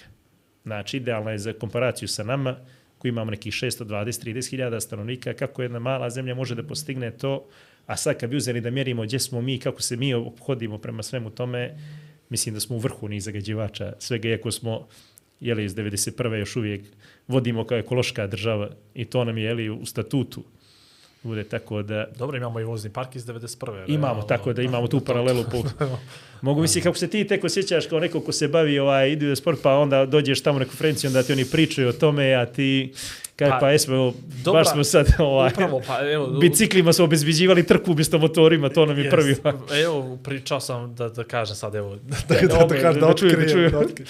Dakle, postavlja se, pitanje se upravo to postavlja, ne više koliko doprinose finansijski neki sportski događaj, no u stvari koliko zagađuju, odnosno koliko ga jedna država treba ili ne treba takav sportski događaj. Dakle, nije sve u novcu. Kod nas još nismo počeli da mjerimo finansijski doprinos sportskog događaja. Dakle, mi, mi još to nemamo. Mi- Mislim, nažalost, ali eto, pominju se ta predavanja, pa onda taj turnover, kasnije to priliv novca zbog nekog događaja, pa u stvari turnover kako se gubi tokom vremena, odnosno koliko se taj novac još uvijek troši kad ostanu u zajednici. Sve te neke efekte koji, nažalost, ja mi za to u domenima nekih predavanja, nekih slajdove ili nekih e, e, ekstremnih predavanja. Znači imamo goste iz inostranstva koji će o tome da napriča, mi se zapravo ne bavimo tim ovaj kod nas. I došlo, je- došlo je do toga da pojedine države kažu, ok, više nas novac ne interesuje, što vi u stvari nama, ajmo da vidimo što vi ostavljate iza sebe. Dakle, taj vaš carbon footprint i da vidimo, jer, jer državu košta nešto to zagađivanje, da ona sve to vrati ponovo na tu na taj neki normalni nivo, odnosno njima prihvatljivi nivo. Nažalost, ta su predavanja jako interesantna, jer nas, mene u stvari ovdje vraćaju, resetuju. daleko od onaj- realnosti. Te resetuju, ali zapravo te edukuju i onda ti ovdje si u nekoj novoj pregovaračkoj poziciji, kad neko dođe, nešto traži od tebe, zapravo shvata da nema preko puta sebe nekoga koji je Koliko tu... može da ga sluša. A, nego ipak, ok, može, ajmo da diskutujemo. još, jel? Jer, aj, ajmo da diskutujemo. Zna, ja, ja često kad moje sportske događaje prezentujem, prezentujem često kroz četiri aspekta društveno odgovorno poslovanja. I onda kad dođe neki ili bilo koji ili iz marketinga ili iz HR-a ili nije bitno menadžmenta, pa ja krenem da slojevito svaki neki događaj, počeo odnos na lokalnu zajednicu prema održivosti, prema široj zajednici, naciji, tako dalje. Da, vide da je tu postoji nek, nešto što drži sve to na okupu. A mi sad još krenemo, pričamo o održivosti, pričamo o carbon footprintu ili o turnoveru nekom većem, malo te, malo te stavlja na jednu bolju poziciju. Nije to da su- loše, ali... Da su prekretnice bili ovaj olimpijske igre u Atini 2004. i svjetsko prvenstvo u Južnoj Africi 2000 kao dva najveća događaja pričam olimpijske igre sve- tada ima onaj čuveni izraz koji koriste ovaj ljudi iz te branše ili white elephants ili bijeli slonovi to je u stvari kad napraviš jedan megalomanski projekat, praš jedan ogroman stadion i onda se završi to takmičenje čemu taj projekat služi, što dalje Da, sa, sa to je tim. Soči veliki problem. Pričamo je li to o. Dohi sad? Uh, ne, Doha ima skroz drugi sistem. Dro, Doha je, na primjer, totalno, ja mislim, otišla u pravcu ovaj koji Igor priča. Recimo, onaj stadion 974 je napravljen uh, između stalog je nazvan 974 jer ima 974 uh, kontejnera Brodska i taj stadion je, će da se rasklopi čim se završi svjetsko prvenstvo, bukvalno će ga spakuju u kutijicu i da ga pošalju, ja mislim da ga šalju je li u Zimbabve ili u uh, Zambiju, nisam siguran, u neku od afričkih zemalja i da ga tamo opet kao Lego kockice sastave, Jes, ali jer njima neće biti potreban, jer njima, i Ali mislim sad kad da... se traži, na primjer, uh, kad, se tra- kad se prave te paralele i zašto je Katar dobio svjetsko prvenstvo i zbog čega i tako dalje, niko ne pominje to, znaš? Ne, naravno, jer su za mediji- Negativna priča mnogo jača i, i bolja nego danas je bio jedan čovjeka kojeg ja jako volim i uvažavam i kako piše i način koji piše, ovoliki je bio pamflet vezano za Katar i ni u jednom trenutku ne možeš to da dobiješ. Ne. Nego se održava praktično svjetsko prvenstvo u jednom gradu i niko ne zna šta će se desiti sa tim stadionima posle Fakat toga je, fakat dalje. je da je Katar pratio najveći ovaj medijski i to ne možemo reći neopravdano. Da, znači, da. mi ne možemo da znamo, ali naravno se tamo dešavalo sve što se dešavalo, da ne može niko da tvrdi suprotno. Isplivale su sve informacije na površinu da je to svjetsko prvenstvo dobijeno korupcijom ili što bi ovi bogatiji rekli lobiranjem, ovaj, pošto je korupcija ne postoji A nikad na tom nećemo nivou. saznat za Da, koliko tako- para je tako ko je. uzeo i tako Ne dalje. postoji ovaj, ja se uvijek volim da je korupcija za siromašne, a lobiranje je za bogate. jel? To je to. Tako da... Legalizovana Da, korupcija se zove lobiranje, Tako je, to je tako je. Ovaj, ali, uh, pored svega toga i svih tih negativnih aspekta koje je pratilo i naravno to što ti kažeš, što je para luši oči gdje god se okreneš i slušaš i to je neminovno, postoji taj dio da su Katar i Doha napravili jedan izuzetno ekološki održiv projekt. Oni su uh, u Dohi napravili stadion koji će služiti, ajde, opet, uh, Katar je poznat sad kao veliki ovaj ulagač u atletske sportove koji su kao dom, domaći atletski stadion, oni su, jeli, ja mislim, u skoku vis, zlatna medalja u skoku dalje, su isto... Dobri su sa naturalizovanim ovim Tako je, tako je, naravno, nisu, nisu Rukomet- oni, nisu rukomet- oni je li to skakali. rukometna reprezentacija, baš oni su poznata? bili- To je to, isto- to. To je to. A Lusail je poseban ovaj stadion i grad jer je to stadion koji je napravljen u sred pustinje bez ičega. I oni su stvari isprojektovali grad budućnosti. Oni su a, kad su dobili, oni su 2010. dobili to domaćinstvo, oni su tada isprojektovali u sred u pustinju komplet novi grad koji će da ima, ja mislim, 75-80% kompletne samodrživosti. Znači grad koji će, i taj grad bi trebao da bude, ono, ajde da kažemo, Doha je samostalno Katram, u, u Emiratima imaš Abu Dhabi, Dubai, Lusail bi trebao da bude, ajde rečemo, kontra Novi protivnik Emirati, Dohe, da bude neka, kom, ajde, competition, konkurencija Dohi u tom biznis svijetu s tim što će biti mnogo više samoodrživ. I ovaj stadion 974 koji već pominjemo, je stadion koji sad će se odigrati, ja mislim, 8 ili 10 utakmica na njemu, on će da se rasklopi kao da nikad nije bio tu. Doće Igor posle godinu dana u Katar i neko će mu pokazivati A mi neku, oko beach ne, a mi nama će da ubijemo. slike, nama će E. poslati slike ovaj, ili A nama je ostala zastavica na žabljak, ti da nas je. pobiju. A, ne, da ne googlam, ne mogu neprijatno, ali mislim da je ISO 27000 standard o održivom organizovanju uh, manifestacija. Mislim da je ISO 27000. U Londonu je prvi put prezentovan, primijenjen, te olimpijske igre su po prvi put, kako mi je mila ova tema. Ovaj, ja vidim kako sam se da. I, Morali ali smo te puštiti ovo pred kraj. nevjerovatno je, nevjerovatno je koliko uh, me takve stvari uzbuđuju. Kad ti razmišljaš, ali pazi, to, to stvarno, valjda se, ljudi se rode s tim, ili, ili možda nije rodno, možda je način na koji meni to prezentovano više puta od ljudi od koji si ti to slušaju. Valjda moraš ti naći te entuzijaste koji se bave tom zaštom životnom sredine, prevelike i u, u stvari, uh, ono što jedno sa tu pred Aleksandrom Dragićevićem ovaj, rekao, da u stvari ljudi nisu svjesni koliko oni sebi štete na neki način, koliko sve se to tebi vrati kroz neki proces. Ali bukvalno od akreditacije. Na kom papiru je štampana akreditacija, koja boja je korišćena za tu akreditaciju, zakačka kojom je zakačena i šta se radi od momenta kad se nekome ona daje, ne stavlja se u kovertu, nego se daje na ovaj način, šta se radi s njom, da li se uzima, da li se moli čovjek da je reciklira, ne da je baci, odlaže, jednokratne, višednevne, jednodnevne, šta se, od toga momenta sve piše, sve je namješteno, sve je namješteno, sve, sve piše, sve je podešeno da to sjutra ne proizvode nikakav negativni uticaj na tu životnu sredinu. E, to je fascinacija, pa sam misli olimpijske igre. Ja pričam sa ovdje o jednom događaju malom koji, koji traje jedan dan, a pričam o olimpijskim igrama koje traju ne četiri godine da ih ti pripremiš, no traju osam godina ih pripremaš, pa se one dešavaju mjesec dana, pa se posle sve to još rasklapa godinu i e, kako, jer mislim u stvari da je Soči neđe bila prekretnica, da su shvatili da su oni ostavili totalnu pustoš iza sebe, ne samo u, ovom smislu, nego i u finansijskom smislu, da su to minusi nevjerovatni. Taj reklama, taj marketing koji se dobije da jednostavno nije vrijedan svega toga. Mislim, ja sam to prvi put onako lično vidio da kažem, gdje sam bio pristojan na velikom događaju, a i to je sjajna priča, kako smo bili tamo je ono svjetsko prvenstvo u Waterpolu u Rimu 2009. gdje smo nesrećno ispali odmah posle Malage.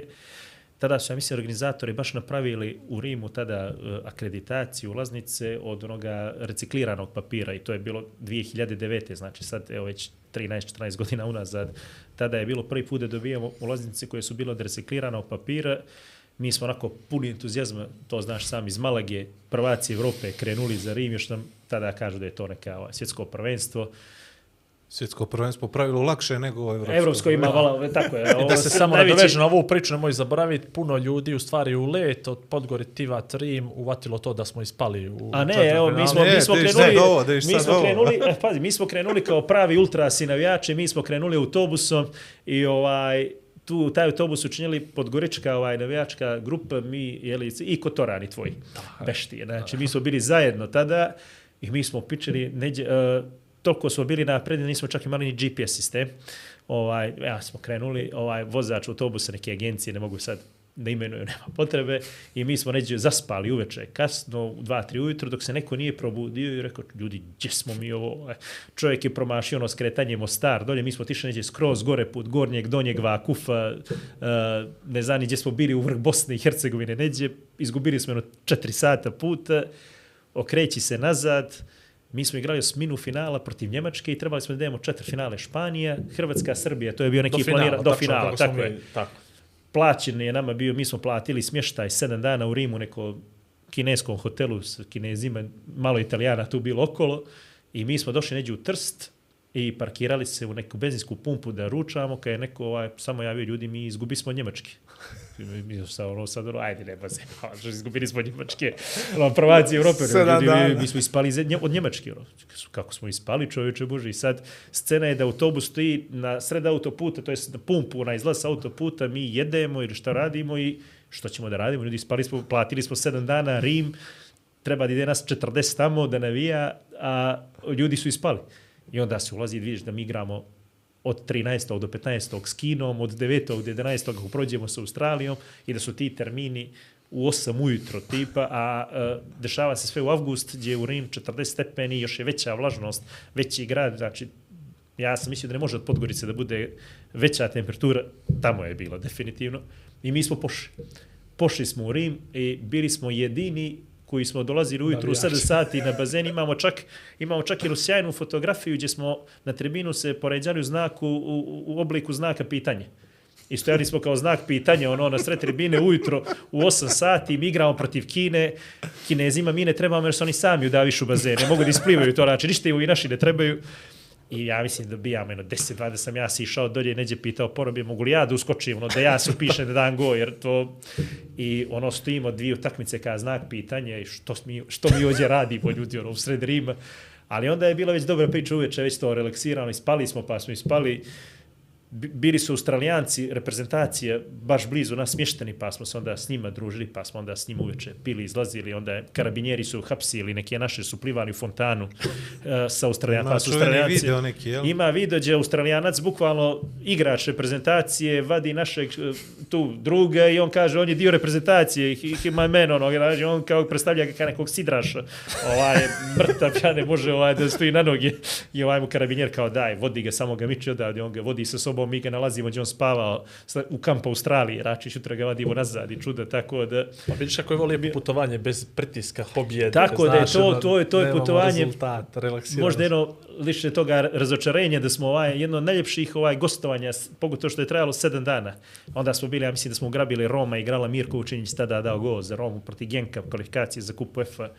Uh, pa smo onda, eto, iskoristili, tada, tada je ređe igralo polufinale, ja mislim da je bilo Hrvatska, Srbija, mi smo gledali Roma, Genka, ovaj. dobro je što nismo prošli jer ne bi gledali Romu. ovaj. Tako, Uglavnom, došao si do reciklirane ulaznice. reciklirana ulaznica nam je prvi sastav bio da. da sam to vidio to kad se, jer su oni to napravili, Jarković, ljudi što radi, ono, mislim, i onda su, tada je bila, uh, tada je bila njihova desetogodišnja kampanja, mislim da je bila 2008-2018 uh, kao uh, održivi Rim.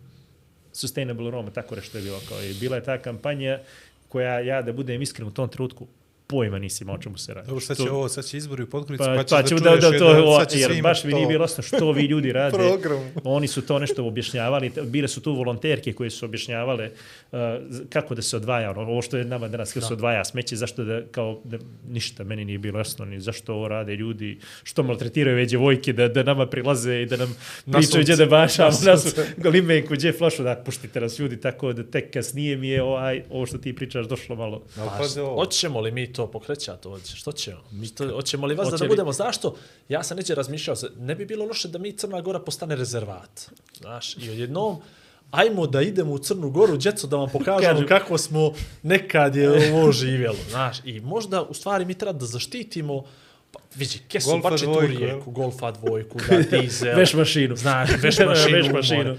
Vidi, ja, ja, ja sad ću mrtav ozbiljan da budem. Imao sam 19 godina i vozimo se kolima, idemo u Herceg-Novi kod druga da muš, pravi mušuljadu. I vozimo se i stajemo na verige, gdje danas verige Je, je, 36, e, da se olakšamo i vidimo dolje veš mašinu, fenomenalno, zato što je bubanj od veš mašine odličan da se čiste mušulje.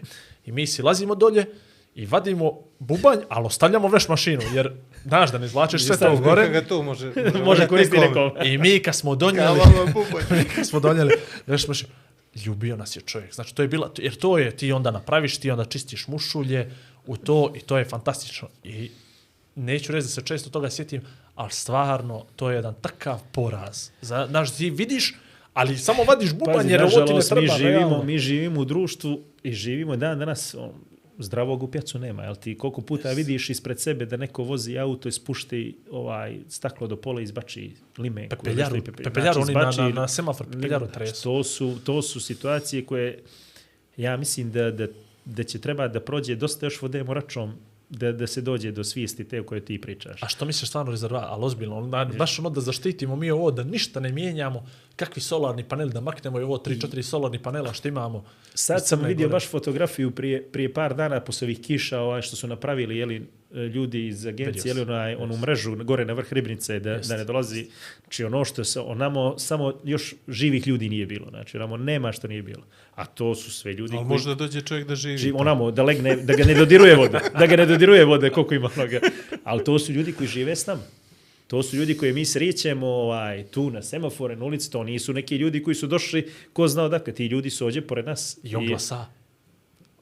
Isto njih, ja. njih, njih četvorica su više od nas trojice. Ja? A Tako, mi a mi tako, tako da A ovaj... vidi ovo, ja vidim ovaj sat, piše nešto sat i 59. Čajo, koliko je to stvarno?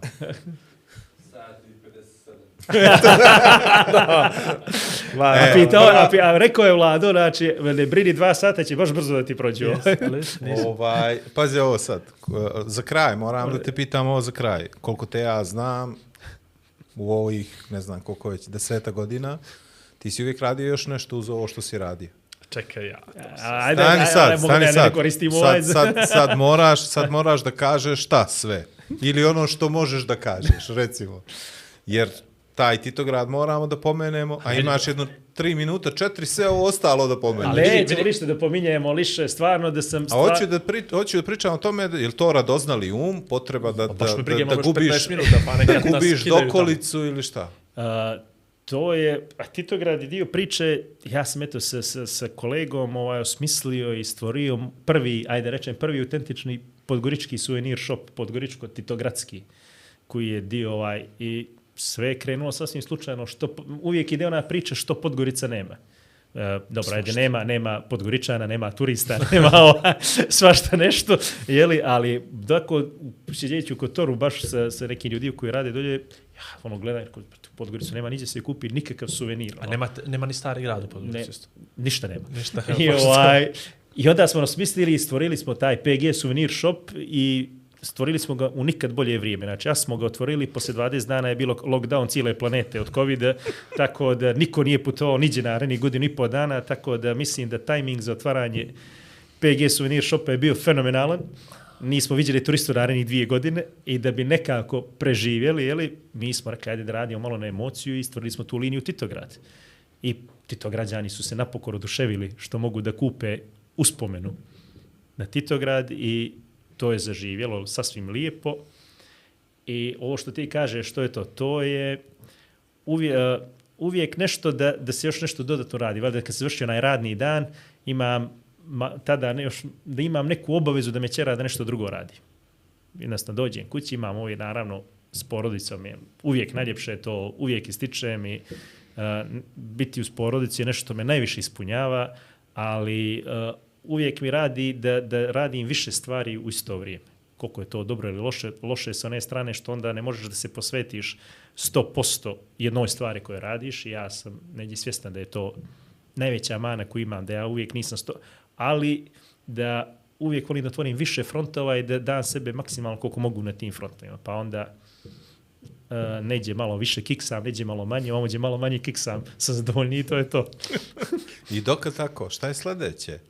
Pa, znaš kako vele podgoričani, dok odem pod zemlju. Neozbiljno, ovaj, ne znam, ne znam, to vjerojatno dok te tjera da nešto radiš novo, stalno te nešto tjera da ideš naprijed. Ja ne znam kad dolazi taj trenutak da, da kažeš sebi sad je dosta, sad ću... Nisam, mislim da nikad neću biti jedan od onih tipova i uvijek sam se divio tim ljudima koji ono kažu uzmu štap i pođe onda oni šest sati će de i pecaju i nađu neki svoj mir. Uh, ja s tim ljudima stvarno istinski divim za, za tu mirnoću koju imaju. Ja imam ono što se vere crvi, da sad ne pominjem zbog servisa, jer, je. i uvijek moram ovaj, nešto da radi. Nešto. Jednostavno ne mogu da ćedim s mirom. Ovaj, tako da nemam tu prirodu u sebi, tako da uvijek će nešto biti, vjerojatno. Koliko će se iznenaditi tek ovi što su bili skeptični Mislim, a, ne znaš, da možeš dva sata da Jesi sjediš čuo u ono? Jesi čuo ono? E, to je. A ne Ali znam, hoćemo li još, ali- ali- hoćemo li još dva? Ali vidi ovo, ja sam rekao da može, je li tako? Tako je, ti si E. bio, ti si, ja sam bio neutralan stvarno. Ja Tako vidim da sam ja dobio Ja- neki kompliment tu. Ja čini mislim da si ti upravo zaslužio svoju kafu. Ali ja nešto sad razmišljam, zamisli nekoga ko zna Vuka, ono izgleda, joga, A to ti ovaj neminovno to. učen. Alo, to ti Učen. neminovno prva sad jedno što će ti ovaj emisiju, čovječ. Što ti ovo, Što je će ti ovaj? ovaj I onda malo Pa dublje iskreno- kad zagrebu i to. Iskreno, meni kad je Vlado rekao da dođe, meni je prvo pitanje bilo što ću ti ja. Pa realno svi su nam otkazali. pa, ja sam znao, posle sam shvatio da se ono sklupe, ono, ti Bio malo, izračaj znaš, ono, trener kad se okrene, znaš, ono, kad se trener okrene, svi su povrijeđeni, pet sličnih. Aj ti, ono, Ne, ne, ne možeš ništa pazi, se ne tu. Znaš šta je čita ona situacija, u stvari Igoru i meni, meni pogotovo, ne znam, Igoru, ovaj, dovelo, do, dovelo je mene do momenta da kažem samom sebi šta će meni ovo, znaš. Šta će meni, zašto, zašto ja ovo radim, zbog čega? I onda sam shvatio da, da, da ja u stvari dalje kroz ovaj podcast želim da, da pričam i, i, i, i, i da slušam ljude i da čuju ljudi priče, ljudi koje ja volim, koje su mi bliski i za koje sam apsolutno siguran da imaju šta da kažu. A ovamo, znaš, kad nekoga nešto kao u, na polu silovanje dovodiš, ja sam uvijek ovo što ti pomeneš, ove crve, ja nikad, ja sam toliko opušteno došao danas, da sam zakasnio između ostalog, da me ono, baš me briga šta ćemo, gdje ćemo, kako ćemo, jer sam znao da će to da bude super kao A što je inače, bilo. ova epizoda se snima, a, Šajo stavlja stop, Vlado ide u montažu, eksport i direktno na televiziju. Znaš, prilike nam je to da ti, timing. da ti ono, ne kaže, znači, kad sam ga pitao, imamo li neki koncept emisije, samo, rekao, samo ti dođi, šedi i ne Ima, ima se Znači, skuvaš kafu, znači, skuvaš kafu. znači, I jesam li bio u pravu? Jesi, jesi, skuvaš ja kafu ne- i to to. Ali sad ćemo da dođemo do toga. Sad ćemo da dođemo do toga. Nećemo, shop- brate, imamo još dva i po minuta. To, ali jesmo li Predit završili sa... sa Neće imati reprizu Nema zbog ovoga. Pa Ne- ne, ne- znači, ako... Neće da kaže okle zna da kuva kafu. Ne znam ja ti... On je rekao da neće, ja sam ga Ali pitao Ne, šta znači, će... meni je samo bilo meni je samo bilo važno da se tebi kafe sviđa. Ne, to je to. Dobro, okej. A to- ne, nije se sviđa. Ja ću samo Sviđa kažem, imam lokal gdje mogu nekoga da povedem smirno da popijem kavu. Eto, I jednom je. u godinu dana. Kafan. Jer to je moj osjećaj sa kavom. Sakamo. Dobro. Došli smo do kraja. Ima sad jedan interesantan dio emisije ovaj, u kome ti treba da svojim riječima Dobro? ispričaš kako ti je bilo fantastično, kako smo nas dvica neprevaziđeni. Znači, od svih podcasta koji si ikad gostovao, definitivno najbolji. Svakome živome na ovaj svijet i u Crnom Goru preporučuješ da dođu ovdje. Iako oni neće. Iako oni, eto, konstantno. Ja I, ću- ali sve svojim riječima, slobodno se opušti. Svojim. Ali pazi, des- samo moram nešto 10 da dodam. minuta. Samo još nešto da Samo dodam. uzdahne, čekaj. Prošli put smo imali sportskog psihologa koji je pravio psihološki profil. Tako da ako ti Odustali želiš, smo od toga. odustajemo od toga. tako ako ti želiš nešto kroki naš da napraviš, m, znaš, Ne, ja ovaj, mogu stvarno da kažem spremni. da se stvarno osjećam, osjećao sam se kao na, na dodjeli Oscara, ono, znaš, nisam nikog šamarao stvarno, ali ovaj, ali, ali ovaj, uh, mislio sam, mislio sam da ovaj nećemo, nećemo ova dva sata što ste predvidjeli da baš nećemo znati u kojima, ali baš mi je bilo prelagano i sad mi je žao što se završava, možemo li još dva da ostanemo. Da si- Pa može, ali to ti je, aj nećemo to ti ti još toliko povećati, pa- ali još jedno ono. Ajde, onda ćemo to vidjeti. Pa da... I stvarno bih svima vama preporučio koji gledate da pošaljete vaš CV i e-mail I na... uplatnicu. Koji podcast? Ovaj? Igor i Vlado podcast. gmail Tako, dot com. I da se prijavite za učešće u emisiji i evo, mi ćemo naći sve moguće načine da finansijska sredstva obezbidimo za vaše dolazak. Tako da vas pozivam da gostujete. Stvarno je jedinstveno iskustvo. Mi imamo Eto petočlanu komisiju koja zasijeda redovno, je. ovaj, koja to sve... Točna je komisija. Nemoj gledaš u mene. Ne. E, Vuč- Dobro. Ja Stvarno stvarno ne bilo- znam zašto ljudi neće da dođu. Pa ne, vidi, Nemaju nije kad, da brate, neće, imaju nekih nije da obaveza, neće, znaš. Nije da neće, da nego se- ima prioritete. Skupo je vrijeme na javnom servisu. e. To je to. Možeš nešto da kažeš, eventualno se li zamiriš. Sad. Da se Znaš, premota. A svi gledaju, znaš, čekaj Vlado, ko je tebe, a ko je iznad njega, a ko je ovaj, ko, e, ja onoga tamo, E, onoga, da je tako ja, bilo, nikad, Nikad ne bi ja ne bi došao. da, sad, To je nego prva sam, poruka bila. Za to što sam odmah na prvu primjer. Eto, šale nije Ovo je otkud. ono, kad dođe centar, što odmah vataje volej pa će završiti. Znači, nemoj da... Dobro. Hvala.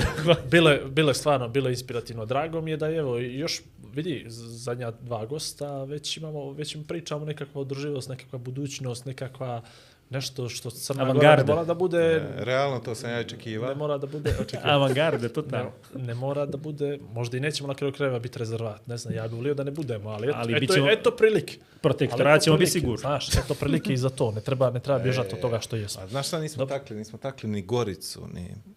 Dobro, ćemo, sad ćemo sadili smo pa smo sadili, što ćemo sad? Epizoda. Dobili smo nagrade na Vas da kući. možemo, vas da možemo bači Miću pa da... Kući mi je nagrade. Što Jel? vi kao uspomen. Tako da imamo kad. Eto tako. Hvala. Hvala vama ljudi. Baš je bilo, baš je bilo inspirativno. Zahvalimo sponzorima. Ajde, ti ćeš sve Ti onaj prvi, ti Ne onaj mogu prvi, a ja ove ostale. Ja da se zahvalim drugarima Crvena pločica Meridian Bet, da nije njih teško bi mi funkcionali, mislim funkcionalisali bi, ali ovako je makar lakše. Ovako nam je lakše kli, Eto kli, tako. klizi. Klizi, nekako. Hvala Lamija Kazi, stoje ponovo na stanju, stalno šalju ljudi poruke, stvarno Tako je. šalju poruke, gdje je 100 Lamija Kaza, ponovo na stanju, mislim da je 7 komada trenutno, Ovo, Dobro. možda nisi to trebao da kažem, ali, Nema veze, ali pa brzo dobro, to prođe. Plane, plane. Ajde vidimo ću li ja da ispoštujem sponzora večeras, pa da emitovat će se kasnije. Milan 1, Sociedad 1, Arsenal 2. Ispošto je sponsor. Čekaj. Pa da vidimo kad se završi, bit će Treba si emitovano. za vikend, Pa da vidimo treba ovo znam, da imaš šta za vikend. I, ne, ovo je večeras odmah, pa da vidimo li ispoštovati. Evo, E, znaćemo. idemo čekat sve, znači. Pa, Za sve, svega, jer Osim ovoga, je ovo, ovo, ovo. stalo. Veliko tim rasvita, Kimbo kafa za dobru dozu, za pravu dozu kofeina, Red Bull Vladu dao krila. jest. I Hard Rock Cafe od septembra ponovo u nekom novom Brodoč. ali o tom potom. o, nismo nikoga zaboravili. Šajo, Šajo. hvala ti puno na svem ovome što Eto radiš, ne znam i sam zbog čega. I da pohvalimo fotografe koji su fotkali u Delti za Feđi. To je bila jedna od emotivnijih akcija koje ja, nažalost, nisam mogao prisutovati iz nekih mojih razloga. A mi baš žao. Eto, da, Mala da je kažem. pozadina, eto. nisi mogao stanuti na fotku. Između ostalog, mali onaj panobi po širini. Dobro. A, je li to to? To je to. Znači, Ajmo. sezona 5, epizoda 9, došla je do Pejović. samog kraja i pozdrav za sve vas, uz tradicionalni crnogorski pozdrav, a i prijatno. Ako voliš slot, hvatat će te laso, ošinuti mamuzama ko drugi do... Bounty Hunters. Osjeti strast. Expense igara. Samo na Meridian Online Casino.